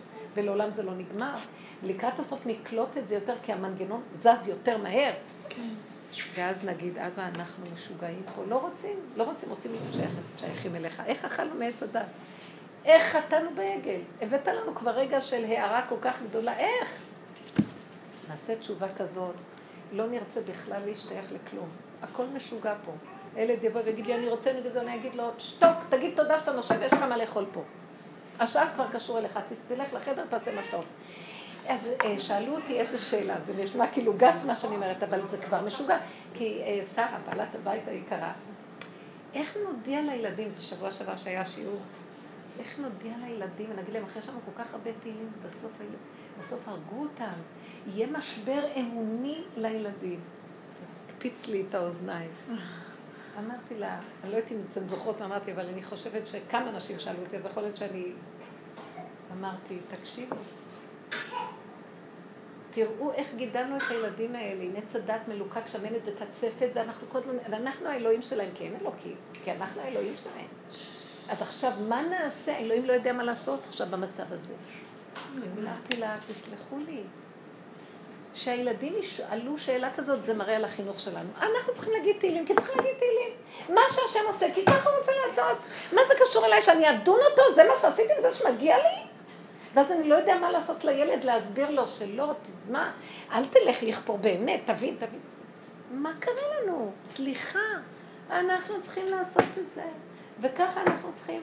מגיע לנו, ייתן לנו, לא מגיע לנו, לא ייתן לנו, כי ככה זה וזהו. אמונה, הפינוק של הפחד מהילדים, כי שמנו להם דעתנות וכל מיני דברים מלוקקים, יפייפות חיצונית, שאין בה אמת. אז מה קורה פה? ולכן הילדים בסוף נותנים בעיטה, הולכים, ככה לא רוצים. פינקנו אותם בשכל הטיפשי. סליחה, סליחה, ילד, הילד אמר לי, לא, לא שלי, ילד, הנכד הזה אמר לי, כמה אמרנו תהילים בזה, בתלמוד תורה וזה. שואלים כי אנחנו לא שואלים את זה. איך? רגע. התאחדנו כל כך, ביקשנו כל כך. שאלה שלהם זה גם שאלה שלנו. אז אמרתי לה, אמרתי לה, רגע, במקום שעכשיו תחשבי מה לענות לילד, תשאלי את את השאלה שלך. עכשיו, אם את רואה שאת שואלת שאלות, אז יש לנו נקודה לענות לעצמנו. אני אגיד לכם בפשטות, התאחדנו כל כך. התאחדנו. התפללנו נגיד. התפללנו. האם השם לא היה נותן לי את הדיבור בפה, הייתי מתפללת? ואם השם היה לא מחבר, היה מתחבר? אנחנו, ואז מה השם עשה? שמתם לב את ההנהגה שלו? אנחנו בעודו באיבו של ההתרחבות בהתאחדות, גדע אותה והביא את הסיפור של הערבי הזה שהרגו אותו וכולנו, פתאום אין כלום, הלך לנו. הוא אומר לנו, אתם עוד רוצים לשבת יפה על הגדלות והגאווה של התאחדנו, גם זה הוא כבר לא נותן לנו. סליחה, אני כאן ממליך את העולם, ואיך שאני ארצה אני אנהג, ואתם תורידו ראש, ומה שאני מנהיג אתכם, תלכו אחריי, כי זאת האמונה, זכרתי לך חסד נעורייך, אהבת פעולותייך, לכתך אחריי במדבר, בארץ לא זרועה. זכרתני את בריתי אותך ימי נעורייך, והקימותי לך ברית עולם. הוא יקים לנו ברית עולם. אבל אנחנו אומרים, באמת אמרנו כל כך הרבה זה שמגיע, אז אני לא יודעת. רבות מחשבות בלב איש ועצת השם יתקום. למה הוא מנהיג אותנו ככה? דבר אחד ברור לי. הוא רוצה אותי בהכנעה. אני לא יודעת מה המלאכים שלו, אבל מה ברור לי? שאין לי עסק בנסתרות, ואני לא יודעת מה ההנהגה שלו. אני יודעת שהוא רוצה אותי עם ראש באדמה. אבל אישית זה יותר מפחיד מאשר הערבים לומר. כי פתאום אתה מרגיש שאולי רגע, אומרת, אנחנו אה, בדלת אמותינו, כל דבר, כל מישהו שקצת מפריע, כל כיסא שנתקע בי או לא יודעת מה, אני צריכה להפנות לבורא עולם. פתאום אתה אומר, כזאת, אה, כזאת פנייה או כזה דבר דרמטי, וכאילו, כביכול שאין אה, שיח. שמתעלם ש- מהשיח שלנו. אבל למה הוא חייב לתת מה שאת מבקשת? אני רוצה לא משהו... חייב להגיד ולתת מה שאני מבקשת, אבל אני מסתכלת לא עליי כבת את יעשה. דנה את אני השם, מסתכלת על ההיסטוריה של העם היהודי. רגע, ואני אומרת, דנה את השם? לא, רגע, אבל בסדר? היא צודקת, היא אני רוצה צודקת. עד הסוף לדבר כן. נכון. תבואי אני להגיד לו לא ואז אני. אסביר לך. הוא אומר לך, את דנה אותי, את עשית השם של עץ הדעת. סידרת לך השם, רגע. סידר, ואנחנו מדברים על זה בשיעורים, סידר לנו השם בגלות הזאת, שהוא יושב על איזה כיסא גבוה והוא חיובי ושלילי.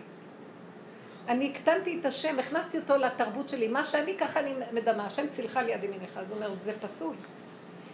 כי לא מחשבותיי מחשבותיכם. בטוח שבשפה... אז אם כן, איך אתה דן. אותי? אתה דן אותי כפי שאתה בקטנותך. אז אני מבין אותך ואני שומע אותך, אתה בצער, ואתה קטן, ואתה תקוע בעץ הדת, ואתה שואל אותי כפי ערכך, אני מבין אותך. אבל, אבל, תסתכל על עצמך עכשיו. אתה לא יכול לדון אותי עם השכל הזה, אתה יכול להסתכל איך השכל הזה דן אותי, כאשר אין לך את הכלים לדון אותי, כי אתה לא יודע מה אני. מבקש ממנו שיתגלה, ואני אתה בראת אותי בן אנוש, אתה בראת את התוכנה הזו. עכשיו, אתה רוצה שבתוכנה שלי עכשיו אלוקית.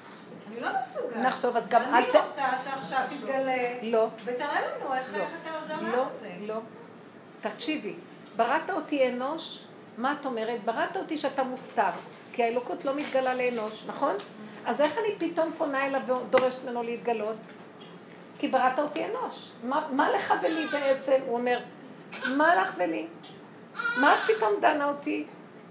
כי התפללתי אליך. אם היינו מבינים מה זה סוד התפילה, סוד התפילה, התפילה זה חרב פיפיות. התפילה היא טובה לנו, לא להשם. השם לא צריך את התפילות שלנו, רבותיי.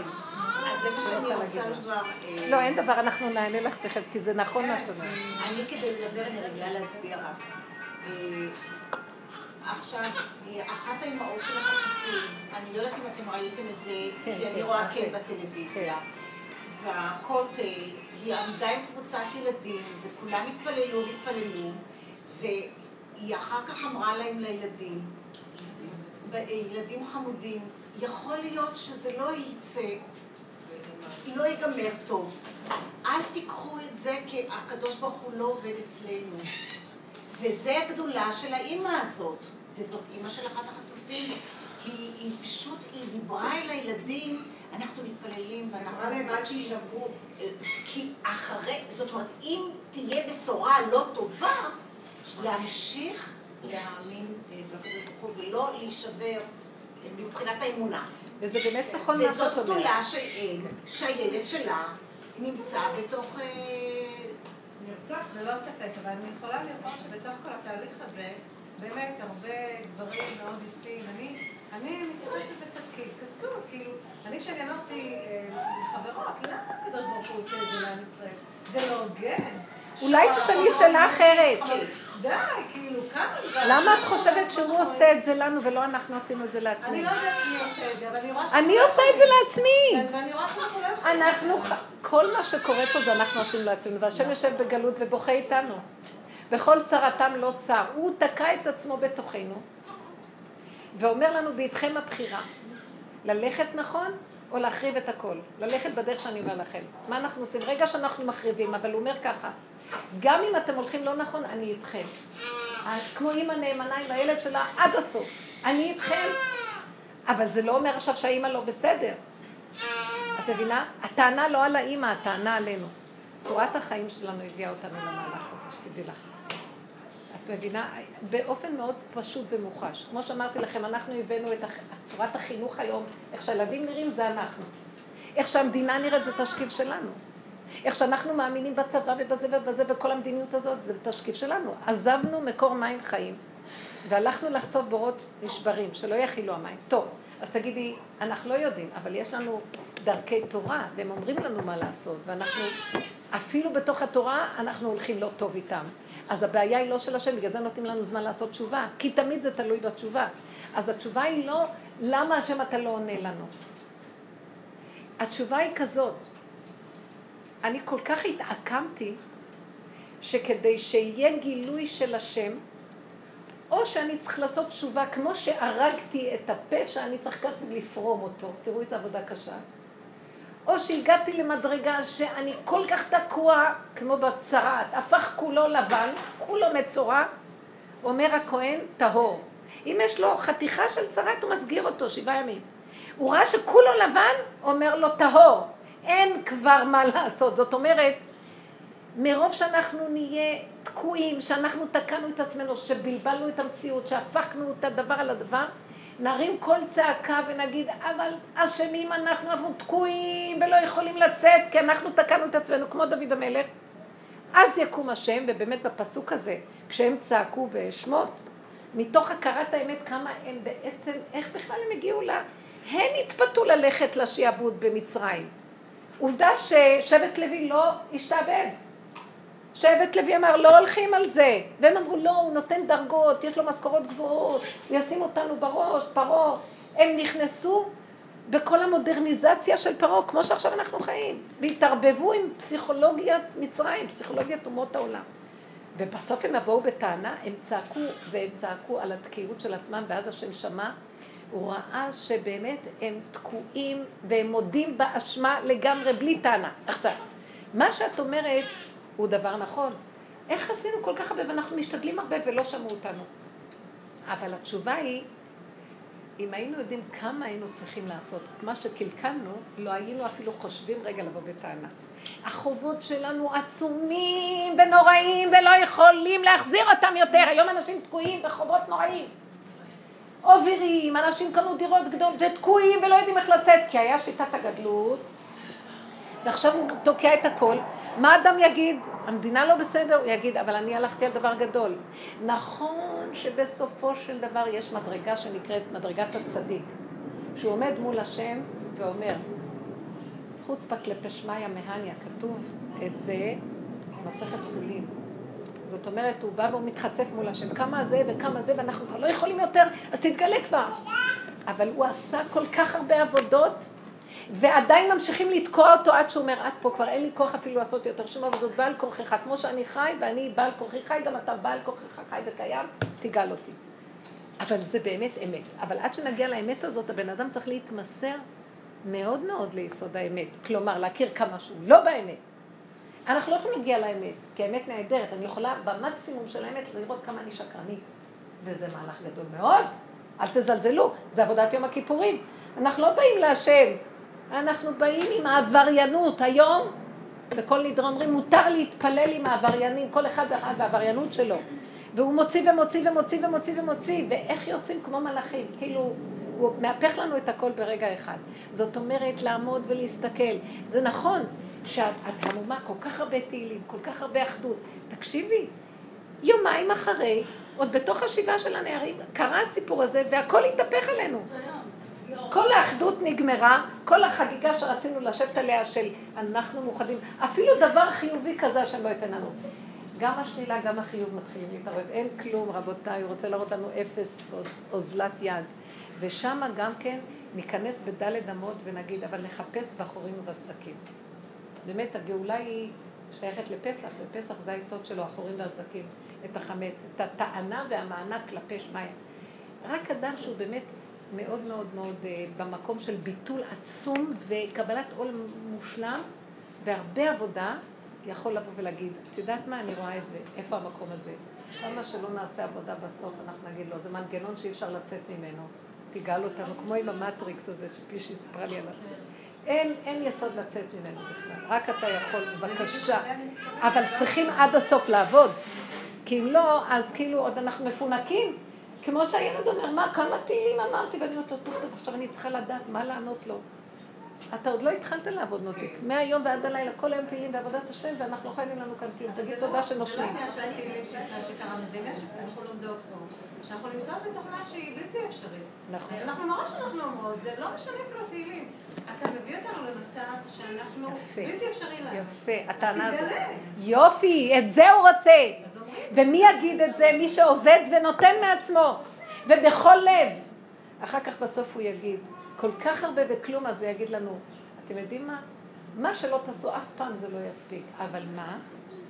אז זה מתחיל להעביר אותך למקום אחר. אל תעשי בשביל לקבל פרס. הבו את הרב, שלא על מנת לקבל פרס. ואז תתחילי לראות חיים אחרים. את לא צריכה לדאוג למה הבחורים האלה, תראו, אני אומרת דבר מזעזע. מצד האמת, מה זה קשור אליי שהבחורים האלה נהרגו? זה הנהגה של בורא עולם. זה נשמע מזעזע מה שזה. זה הנהגה שלו, אין לי הבנה בזה. חוץ מזה אני צריכה להגיד תהילים. חוץ מזה, אם זה נגע לי באיזשהו מקום, אז הוא נתן לי פתח, הוא פתח לי את הלב שיהיה אכפת לי כדי שהתהילים יהיו אמיתיים. אבל אין לי כלום. זו הנהגה שלו שאני לא מבין אותה. מי יודע? אנחנו בעולם הזה, זה מוסתר הכל, ואנחנו לא יודעים. אין לנו רק העולם הזה. בסדר. אבל אני אתן לך מימד נוסף. העולם הזה מוסתר, ובכל אופן, את לא פטורה מלהתאמץ בו, ולעשות מה שצריך לעשות לפי הסיבות. מגיע שבת, זה שבת. עכשיו קרה, מישהו חולה, צריך להגיד תהילים. יש זה, צריך לבקר אותו. מנקודה של לא נגיעות, אלא כפו עליי הר כגיגית. וככה זה, מה אני יכולה לעשות? למה ככה? את לא יודעת אם אנחנו נודה בככה, זה נקרא אמונה, זה קיום התורה באמונה, אין לנו ידיעה, מגיע לנו כמה עשינו, לא עשינו, מודדים בספר החשבונות והזיכרונות, ותראי איזה אור יתגלה, הוא אומר, זה מה שאני רוצה לדעת. אני לקחתי אתכם לי לעם, כי אתם הייתם היונות פוטות, יונה פוטה אין לב, שהסכמתם שאני אכפה עליכם הר כגיגית. אז מה פתאום נהייתם בעלי שכלים ודורשים דרישות? למדנו מאומות העולם. כי ככה אתה רוצה וזהו זה. זכרתי לך חסד נעורייך. אז בשביל זה צריך להיכנס, לסגור את המוח ולהיכנס בדלת אמות. כי אם המוח פתוח לא תוכלי לעשות את זה, כי המוח רוצה צדק, וחושב שמגיע לו, הוא גאוותן יאיר, יושב לו בראש ההר, ואומר, השם, כמה אני אעבוד אותך, מתי תיתן לי? הבנת? כי הוא ביסודו כולו תקוע, עם אני. וכל עבודתנו הכנעה, השלמה, קבלה, ולהגיד לו, אנחנו לא מבינים את ההנהגה שלך, מה שלנו נראה אכזרי, אנחנו בכלל לא מבינים. ממש לא מבינים. אם היינו מבינים, אי אפשר להבין את זה. זה חשבון שאי אפשר להבין אותו, מי יודע מה... אה, את יודעת, אני רק יכולה להגיד דבר אחד, אולי תרשו לי. וזה אולי נראה כמו דמיון, אבל יש לי ידיעה ברורה, שאנחנו פה עלובים, וואי וואי, ושאלה ששלושת הבחורים האלה, הם יושבים בכיסא הכבוד, וואי, בבית תלמודו של, בית תלמוד תורה של השם יתברך, בישיבה של השם, מוארים, שמחים, ומסתכלים עלינו ואומרים, מסכנים אלה. נכון, זה מזעזע. לנו זה מזעזע. בסופו של דבר אנחנו אומרים, בסופו של דבר אנחנו אומרים, ריבונו של עולם, לא, התכלית זה שתתגלה בגוף, ופה תהיה גאולה, ולא בשמיים היא, אבל לא בגוף הזה כמו שנראה לנו. אני נראה לי שהם בגופים, הם בגופים, ברור, זה גופים אסטרליים, יותר גופים זכים ונקיים. גוף של אדם הראשון לא כמו הגוף שלנו. בגן עדן לא היו בגוף הזה, הם היו בגופים, כן, יש להם גוף, כן. וכן אוכלים, עושים הכל. אבל לא כמו שאנחנו, והם מסתכלים עלינו ואומרים, איך הם נראים, תראי כל... את רוצה להביא את הכוס, את צריכה לה... ככה להביא את הכוס. הכוס באה אליהם לבד. הח... החיים אחרים לגמרי, אנחנו בדרגה מאוד נחותה ופחותה, ותקועים, מלאים חרדות ופחדים. פחד הקיומי הורג אותנו, איך יהיה לנו מחר הלחם. רק המוח, המועקה ששמו עלינו, תורידי את זה, אם יורידו לנו את עץ הדעת, הגופים יתחילו להזדכך, לא נצטרך לאכול כל כך הרבה, לא צריך לאכול. ואז לא צריך גם לעבוד כל כך קשה כדי להביא כל כך הרבה אוכל, לא צריך כל כך הרבה אוכל. קצת וזהו. לא נצטרך את כל הרעישים ואת כל הצורה איך שאנחנו חיים, אנחנו משועבדים, משוגעים, והוא משעבד אותנו בלי סוף. היום על ההשכלות האלה, כמה משלמים? היום כבר בסמינרים האימהות, אני כבר, כל כך יש לי גל של נשים ששומעות את השם. הן לא רוצות לשלוח את הילדים לסמינרים. כל כך הרבה כסף משלמים ולא יוצאים שום דבר טוב בשביל שהם יהיו כאילו בחברה טובה. בכלל, גם בבית היא חברה טובה. ההפך, פחות, פחות חשיפה של כל כך הרבה סוגי בנות בבתים, וזה יותר טוב בסך הכל. כי לומדים, שומעים, כל מיני דברים שלא חייב, לא חייב לשמוע אותם. בסופו של דבר אדם מתחיל להצטמצם ולהתרכז, לא צריך כל כך הרבה דעת, לא צריך כל כך הרבה ללמוד כל כך הרבה ספרים. כל... בסופו של דבר הנשימה והרגע, ומתוכנו התעל... מתגלה אור כל כך מתוק, כמו האימהות והאבות. אנחנו לומדים עליהם באיזה מדרגה הם היו. אנחנו בעצמנו יכולים גם להיות גם. יתחיל להיות צמצום של הגופים והחומר, של המוח הדבילי הזה, של הרגע שבכלל, מה לא. זה, זה הרגש שמסעיר אותנו מאוד, ונהיה כל כך מכווננים ופשוטים, נקודה, נקודה. לא מבולבלים, לא סוערים, לא עובדים שלא לצורך, אנחנו מתאמצים המון פעולות נעשות שלא לצורך בכלל, בחינם, אנחנו פראיירים. כן. משהו די מביך עם הסיפור הזה, עם הבחורים. כי אני מרגישה שאני עושה את העבודה הזאת. וכשזה קרה, אז כל הזמן, גם, גם שם סגרתי את המוח, לא נתתי לעצמי לחשוב מה קורה, ומה קורה איתם עכשיו, ומה הם אוכלים, ומה... למרות שכל הזמן אבל כל הזמן עצרתי, עצרתי, וכששמעתי שמצאו את הגופות שלהם, זהו, כאילו, היה לי יומן, לא יכולתי לדבר עם נשים. לא יודעת מה קרה לי, אני לא יודעת להסביר את זה. קרה שם משהו שמין איזה, זה לא ממקום של בכלל למה, אני כן מקבלת את זה, אני כן מבינה מאוד מאוד מאוד, אבל משהו בקשר הזה עם הקדוש ברוך הוא, זה הקדוש ברוך הוא שאת יצרת אותו. אז לא יכולת לסבול את השם שיצרת, זה מה שקרה לך. הנה האבחון הכי נכון. פתאום כל האליל הזה שסידרת לך נופל לך, וזה, אני לא יכולה לדבר איתו. את עושה לו טובה גדולה, כן? אל תדבר, מהשם האמיתי לא נגרע מאומה.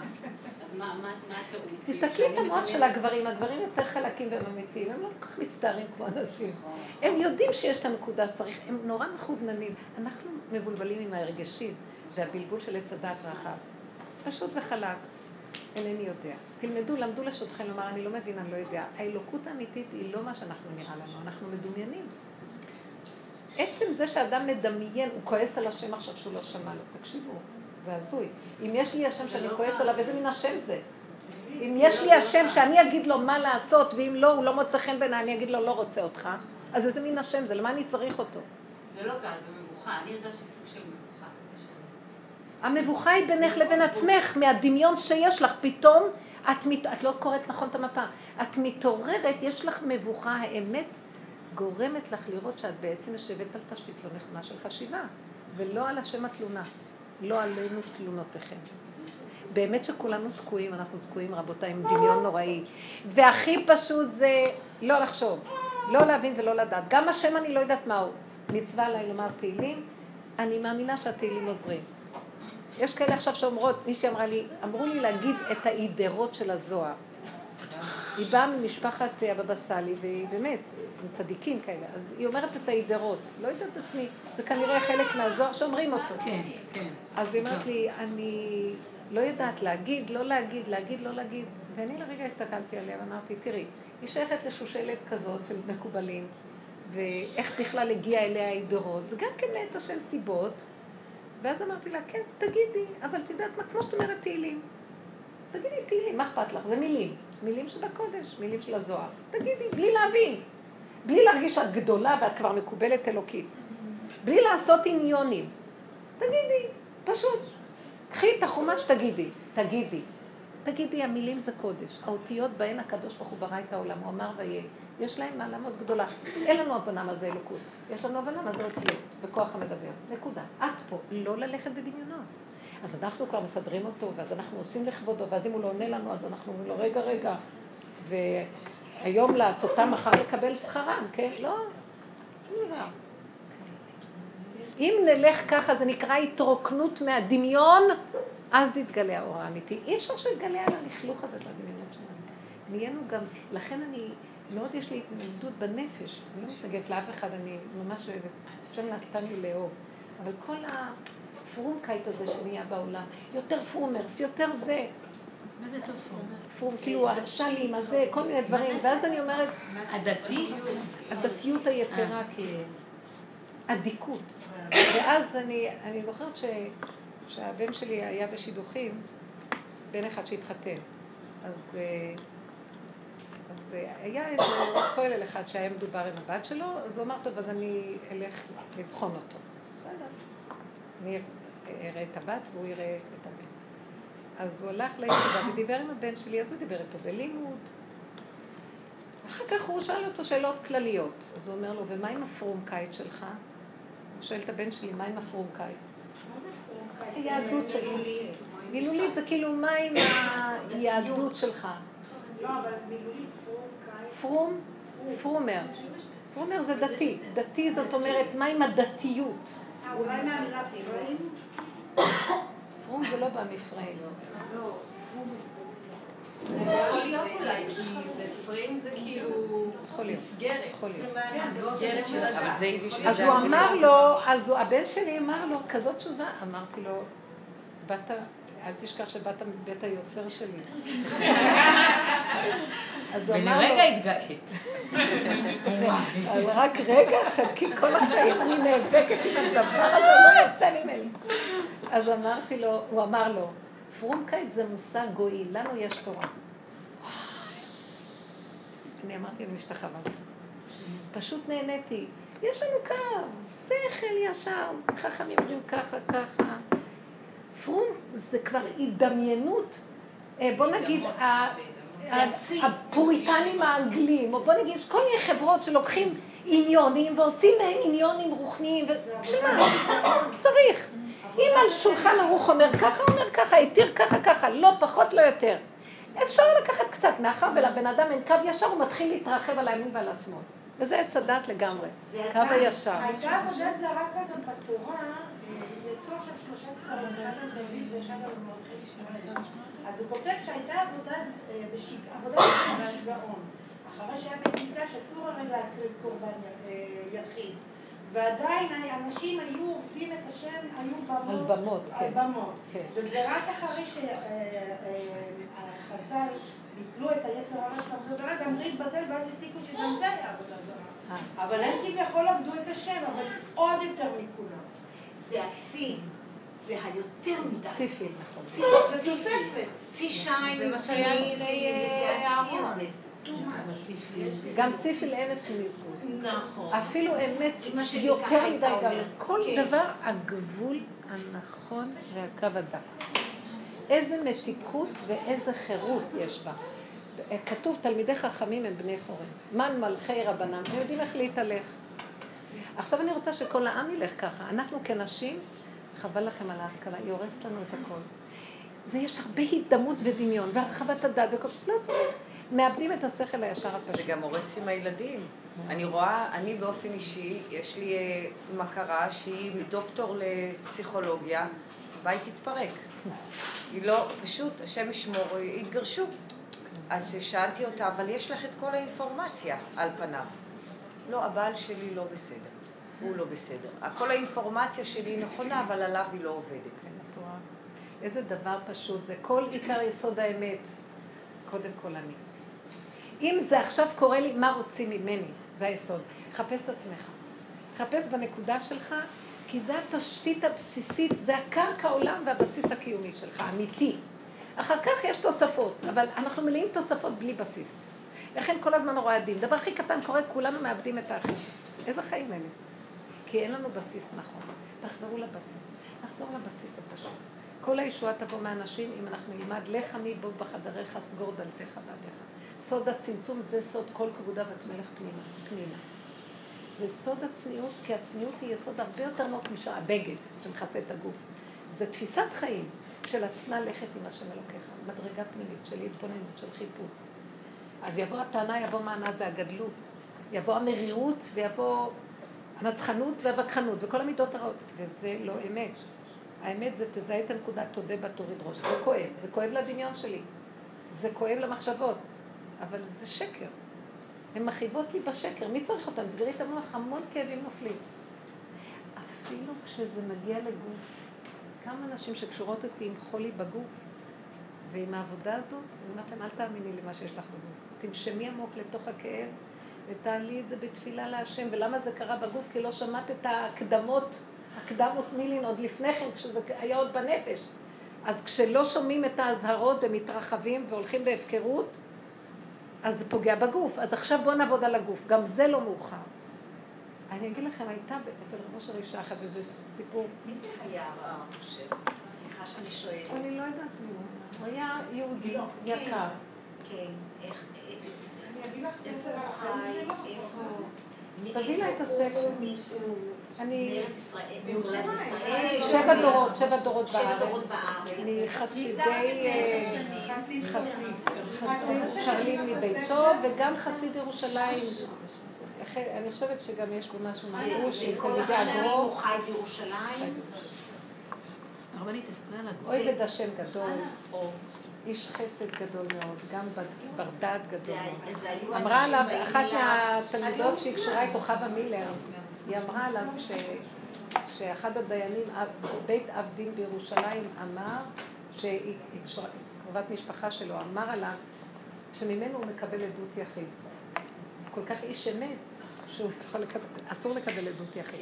את יודעת שהוא התפרסם עכשיו? במקום שהוא עמד בקבר רבי דוד, אה, רבי דוד המלך, דוד המלך, כן. שם נפער כן. בור, והוא תמיד אמר שזה המקום של... אני זוכרת שהיינו הולכים להגיד, אה, כן. היינו הולכים תמיד להגיד בהושענא רבה תהילים, בדוד המלך כל הלילה. וגם בשבועות נהגנו לעשות את זה, אבל בהושענא רבה כי אפשר לנסוע וזה.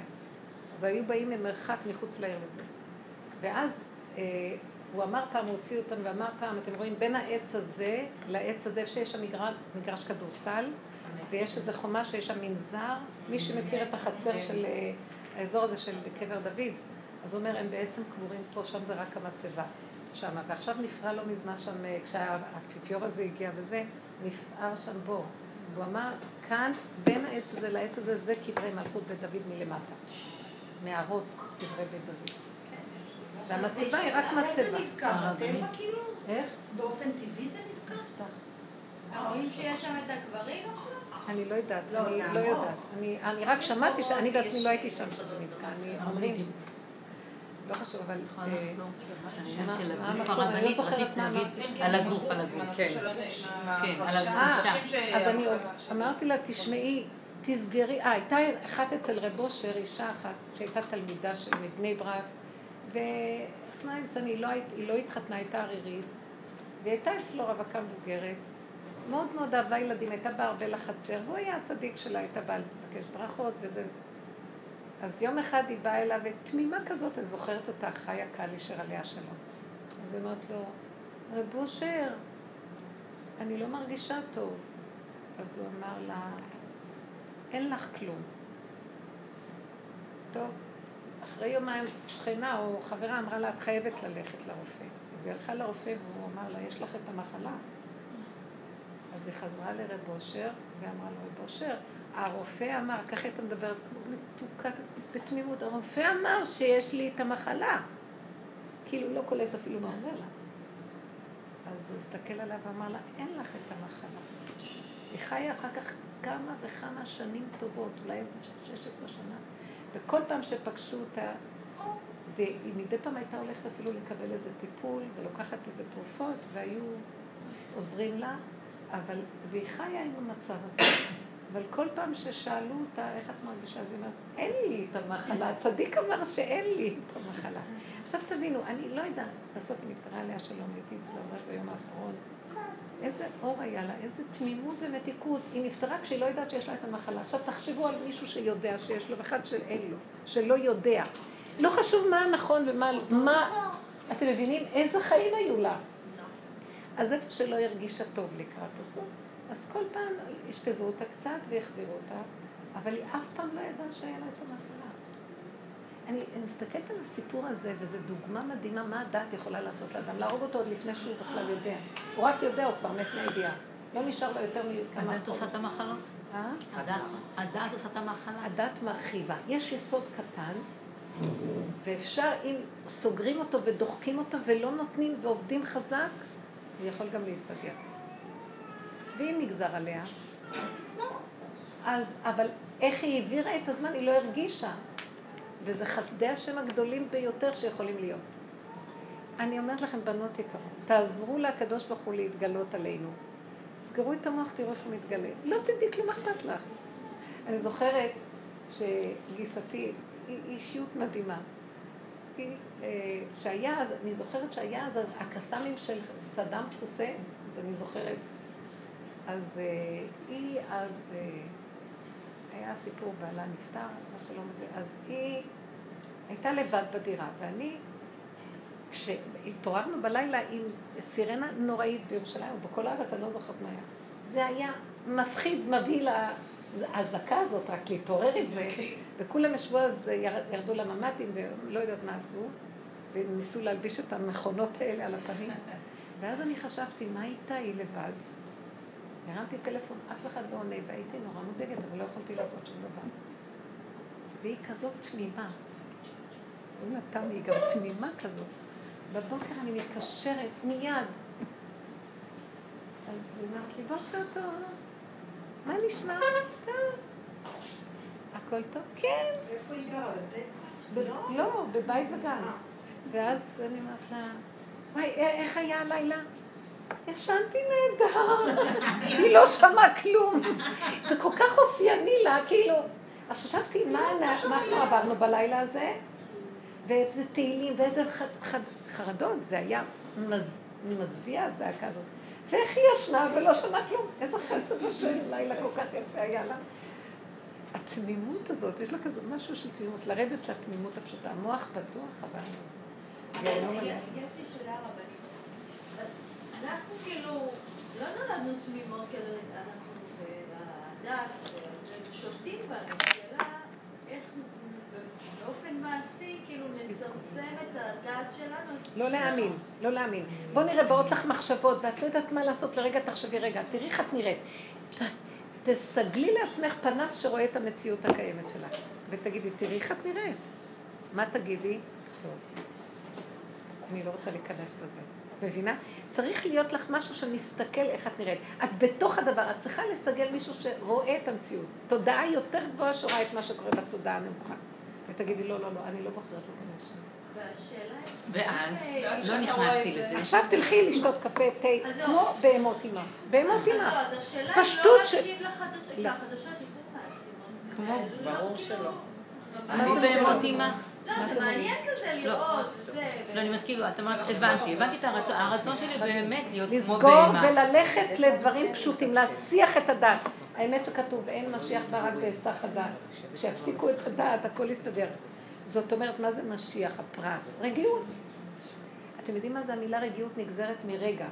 תהיי ברגע, אל תלכי על עבר ועתיד. רגע, מה רגע? נושמת, תני לך לעשות משהו. אה, חושי פשוט. תפנו את המוח לחושים.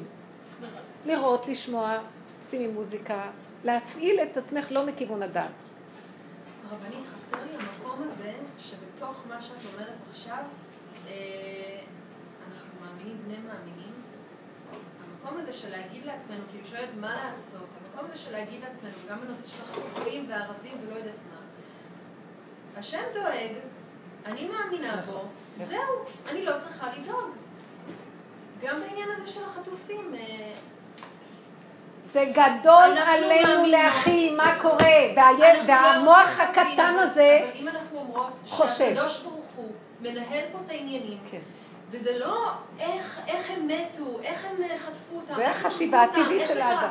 איך נתת לזה לקרות? אם הוא נתן לזה לקרות, יש לו מהלך. אנחנו לא מבינים את המהלך הזה. אני רוצה רק להגיד, אין לנו בעלות. זה לא משנה, זה שאת אומרת את זה, ואת פחות מתערבבת בכל, ה, בכל המחשבות שהרבנית אומרת לנו, שכאילו אה, לסגור את המחשבות, רואים שככל שזה יותר גדול, הנה, כל המדינה וכל האחדות וכל התפילות, ככל שזה יותר ויותר ויותר, אז גם המבוכה. שלך, כשזה קורה, היא הרבה יותר גדולה. היא הרבה יותר גדולה, הרבה יותר קשה לנו לקבל את זה. אנחנו קיבלנו, אה, מצאנו אה, אה, משהו שרבי נחמן כתב על העניין הזה של כאלה שמתים ונהרגים על קידוש השם, ואותי באופן אישי זה מאוד חיזק. אני קוראת לכם רגע, כי בוודאי ינקום נקמת דם עבדיו השפוך. כי כל הנפשות שנהרגו ומתו על קידוש השם, מיום החורבן עד היום, כולם מנויים וספורים אצלו יתברך. ועל ידי כולם נתרבה ונתגדל ונתכבד ונתקדש שמו יתברך ביותר. כי בזמן הגלות עיקר גדלת כבוד שמו הוא על ידי, הוא על ידי המתים והנהרגים על קידוש השם. שזהו בחינת מיתת רבי עקיבא וחבריו העשרה הרוגי מלכות שנהרגו על קידוש השם, וכן כל הקדושים לעילוי נשמת הנרצחים. כן. זה, זה, זה לא מובן זה, בשכל. זה לא מובן בשכל, הוא אבל זה. מגדיל ומקדש את שמו של הקדוש ברוך הוא. הוא זה ש- שגרם לזה שזה יקרה. מה אנחנו יכולים אבל את יודעת? מה, הרבנית, מה שאני חושבת גם, אני אומרת, זה ש... האמת אם שזה לא אנחנו. מאמינים שכל מה שהשם עושה... לא, את לא מבינה נכון מה שהוא אומר, רבי נחמן אומר נכון, הוא אומר את התוצאה, הם מגדלים את... אה, כבודו עכשיו. יכולנו גם לגדל את כבודו בצורה אחרת, נכון. אבל אנחנו תקועים, והתקיעות שלנו גורמת שאנחנו מקבלים את המכות בצורה הזאת. כי הוא ברא לא עולם לענג בו בני אדם, כתוב. שכל בריאת השם את העולם היה תכלית הבריאה לענג בו בני אדם וליהנות אותם מטובו ולא על ידי צער וייסורים. אנחנו לפי המסורת שאנחנו יודעים בחרנו בכיוון הזה של עץ הדת ואז אנחנו עכשיו הכל עקום והכל נעשה בסיבובים. בסופו של דבר זה מקדש את השם אבל הוא אומר אבל יכולתם לקדש בצורה אחרת. כן. יש, אה, קודם כל שלום, הרבה זמן לא ראיתי אותך.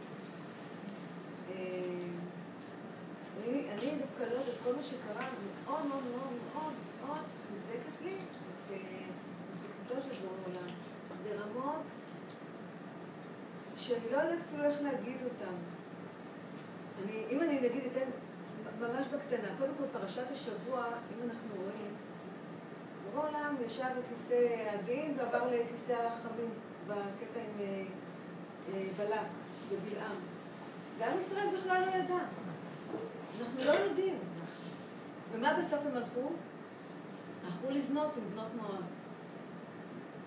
ואתה מסתכל על מה שקורה, קודם כל, אני מאמינה באמונה שלמה שאנחנו רק מה אנושית אחת. זה שכל אחד אומר, אני התפללתי ואני אמרתי וזה, סבבה. אבל עדיין אנחנו לא במקום של ויחן בני ישראל. אנחנו לא במקום שאנחנו נשימה אחת, כולנו באמת עושים עבודה, והעבודה היא נכון, היא בסדר, עבודה פרטית, והיא עושה את העבודה, אבל זה לא, עדיין אנחנו לא... אבל אני רוצה רק להגיד ככה, כי זה יכול לייאש. אנחנו גם לא אמורים להיות וייחן. כשכל אחד ואחד עובד עם הנקודה הפרטית שלו. למשל, הטענה וכל הדיבור הזה כלפי שמיא, ואחר כך את יורדת, בסוף מקבלת תשובה, מה את צריכה לעשות? הוא גדול מעלינו, כמו שהיא אמרה פה, ואין לנו השגה בהנהגות שלו, אז אנחנו מדמימים את הנפש ויורדים להנהגה של תמיד תהיה עם השם אלוקיך, ואין לך עסק בנסתרות, ואת מתחברת לנקודת היחידה כמו ילד קטן, באותו רגע את בווייחן. אחד עושה ככה ועוד אחד עושה ככה ועוד עשה, הרב אושר היה אומר, הם היו עשרה שעושים ככה, חיים עם היחידה שלהם כמו ילד קטן כגמול עלינו לגמרי, בלי קושיות, בלי שאלות, באמונה תמימה, בפשטות, סוגרים את המוח ואין כלום, היה מתגלה האור של, של השם והיה מביא את הישועה. זאת אומרת שאני לא יכול להגיד, נכון, אנחנו לא במקום של וייחן כולנו, אבל מה המוח של עץ הדת עושה? וואי, כמה הרבה עוד צריך, כי מה? אז עכשיו אני אומר, לא, מספיק שאני ככה. אם האדם לעולם יאמר אדם, בשבילי נברא עולם, ומה חובתו של אדם בעולמו? שהוא יראה שהוא מתחיל וחי ככה. והדרך היחידה להתחיל לחיות ככה זה לסגור את המוח המשגע הזה עם הפתוח הזה, עם השקלה וטריה של כן ולא. כי את אומרת ככה זה בא ככה, זה לסגור וללכת כמו ילד קטן בחושים הפשוטים. ואני אסיים בזה שמעניין מאוד הסיפור שיש לנו בתורה, שבאו לקבור את יעקב אבינו, נכון? עלו ממצרים עם כל uh, השיירה, הפמליה של יוסף הצדיק וכל היה משנה למלך, ובאו לקבור ברוב עם והדרת מלך את יעקב אבינו, בא להם עשיו, ועומד במערת המכפלה, אומר לא נותן לכם בכלל להכניס, תביאו שטר של קניין, שהמערה שייכת לכם בכלל. וכולם מתבלבלים והולכים, עשיו היה לו מוח מאוד גדול. העובדה שבאו ממנו, ככה חכמים אומרים, באו ממנו המון גרים שהם בעלי שכל גדול, כמו רבי עקיבא היה בן גרים, רבי מאיר בעל הנס, רבי אונקלוס וכן הגר. ואז הם עומדים ומתחילים לחשוב מה לעשות. היו צריכים לשלוח את נפתלי לפי המדרש למצרים. בא חושם, חושם בן דן. חושים, חושם. אני בכוונה אומרת חושם. חושם זה חושים. חושם בעברה אשכנזית. בא החושים, לא מבין מה קורה, למה עצרו כאן את כל המהלך? אז מאותתים לו ומסבירים לו שעשיו אומר שצריך ללכת להביא את השטר. אומר, מה? עשיו יעשה לנו, יעשה לסבא שלי ככה? הוציא את החרב שלו, חתך לו את הראש על המקום. כולם מתדיינים בשכל, מה לעשות? בחושים, באו החושים, סגרו את המוח, חתכו לו את הראש, ונגמר עשיו עם כל המוח הגדול שלו. זה בשבילי סיפור עמוק מאוד לקראת הסוף. תסגרו את המוח, תביאו את חושים. והמילות חושים זה אותיות משיח. מ' ש' ח' י'. כן, בלי הוו, כי חושים כתוב בלי וו עם... אה, וחושים זה משהו אחר מרגש? חושים זה משהו אחר לגמרי אפשר לבקש מרגש. מהשם שיעשה את זה בשבילנו הרבנית? החושים זה כמו הדיבור של הבשר בתחושה, וההרגש הוא, אה, הוא התרחבות של שכל בהרגשה. הרגשה היא מילה כזאת כאילו לא ברורה מה היא. בעלי אומר, הרגשה זה לא עובדה. נכון. נכון, אבל אם סוגרים את המוח, ברור. תראו, החושים הם נקיים. אבל בגלל שמקרין עליהם מוח, רגש, זה מגיע לבשר, לחושים, אז הכל מבולבל. זה מתחיל, מלמעלה זה מתחיל הבלבול. אבל אם אנחנו סוגרים את החלק הזה ויותר ויותר מקשיבים לפשטות של הדברים, שמה תדעו מה לעשות. נדע, זה ידבר אלינו. אפשר לבקש מהשם שיעשה את זה עבורנו? אני מוכנה לתת לו את כל המוח שלי, לא רוצה מוח, רוצה לעבוד אותו מה- אז יאללה. אז תתחילי להתאמץ. זאת אומרת, את נותנת לו בדבר אחד, הוא בא אלייך בה- בהכרזה. אחרי רגע הוא בא אלייך עוד פעם, עוד פעם. זה לא דבר של פעם אחת וזהו. אוקיי. הנני לכתוב מודעת, גילוי דעת. נו. שאני מוסרת את המחשבה שלי, וכמה אני עוברת את זה, הנני לך, שאני... נכון, יש כל כך הרבה מחז"ל כאלה דברים. נכון. אחרי רגע אני בדיוק הפוך. כי הוא כל כך הרגלנו אותו להיות בעל הבית, וזאת עבודה, וצעקה ובקשה והתמדה. הוא מתעקש לך, תתעקשי עליו. אל תישברו עוד פעם, עוד פעם, עוד פעם, עוד פעם. מהי הגדלות של כל הדרך הזאת? עקשנות. התעקשות. למה הוא מתעקש עליו? תתעקשי את עליו. למה? מה הוא חושב? שהוא יותר חזק ממך? השם איתנו והוא יעזור לנו, כי זה התהליך של הסוף. ולכן אנחנו אומרים את שירת הבריאה, דרך אגב, לקראת הסוף. כי כל הבריאה זה החושים של הבריאה, זה כל החיות. מה הדבר הזה שאנחנו אומרים את שירת הבריאה? אף פעם לא אמרו את זה בכל הדורות ככה, כמו שאומרים את זה עכשיו. כי כל החי שבתוכנו, החיות, החי, בעלי הנפש, זה החיות והעופות והצמחים והשקצים והרמסים, זה החושים. הם אומרים שירה להשם. וזה דבר מאוד גדול. להגיד פרק שעה דבר מאוד גדול. כן. להגיד, ש- אבל לכוון, שריבונו של עולם תעשה אותי פשוטה כמו תינוק נקי שלך בלי שכל ודעת. הדעת, יש מקום שאפשר להשתמש בה, לרגע אחד, ומהר לסגור, לא להתרחב. רגע אחד ואת יודעת, יותר מדי לחשוב לא, בייחוד שאת נתקלת בתקיעות. אז לא, לא בכוח, לא להתעקש איתה. נכון. אז אני אומרת, אבל אני מנסה לחלץ מזה, לא מצליחה. אבל מה? לא, מנסה להיחלץ מהמקום הזה. את יודעת למה? כי בואי אני אצייר אותך. את מנסה לחלץ מהמקום כאשר יש לך עוד חלק במקום שלא רוצה לוותר. את רוצה להיות צודקת וזה מכאיב לך. אם את תסכימי לגמרי שאת לא מוכנה להישאר במקום של הכאב הזה, שילך לעזאזל. את רוצה להיות ילדה קטנה, רגועה, שמחה וטובה. קחו את הגאווה, קחו שינצחו אותי, כולם, מי שרוצה... מה אתה אומר? אתה... את טיפשה. צודק. את מכוערת. טוב. בסדר. אני אגיד לכם את האמת, איך נתחיל לצחוק? די רבותיי, אנחנו משתגעים. את מי אני רוצה לרצות? את השכל המטומטם שאני- לא מטומטמת? אני מתה מכאבים, שווה לי קודם כל להיות בן אדם. רגוע, שמח, טוב לב, צוחק על העולם. הרצינות זה עץ הדעת. הגדלות, הגאווה, הרצינות, הבעלות. אין לנו בעלות פה על כלום. בן יצחק, בואו נודה להשם שיש לנו מה לאכול. נאהב בפשטות אחד לשני. מה אכפת לי? אתה שם, אתה יודע מה שאתה עושה. זה ש... למה אתה עושה ככה? למה אתה לא עושה ככה? דעתנות קשה עלינו ביותר, מביאה מחלוקות ויש פירוד. השם ירחם לנו, כי רק באחדות אנחנו נגלים אחדות של אמת. תודה רבה רבה רבה.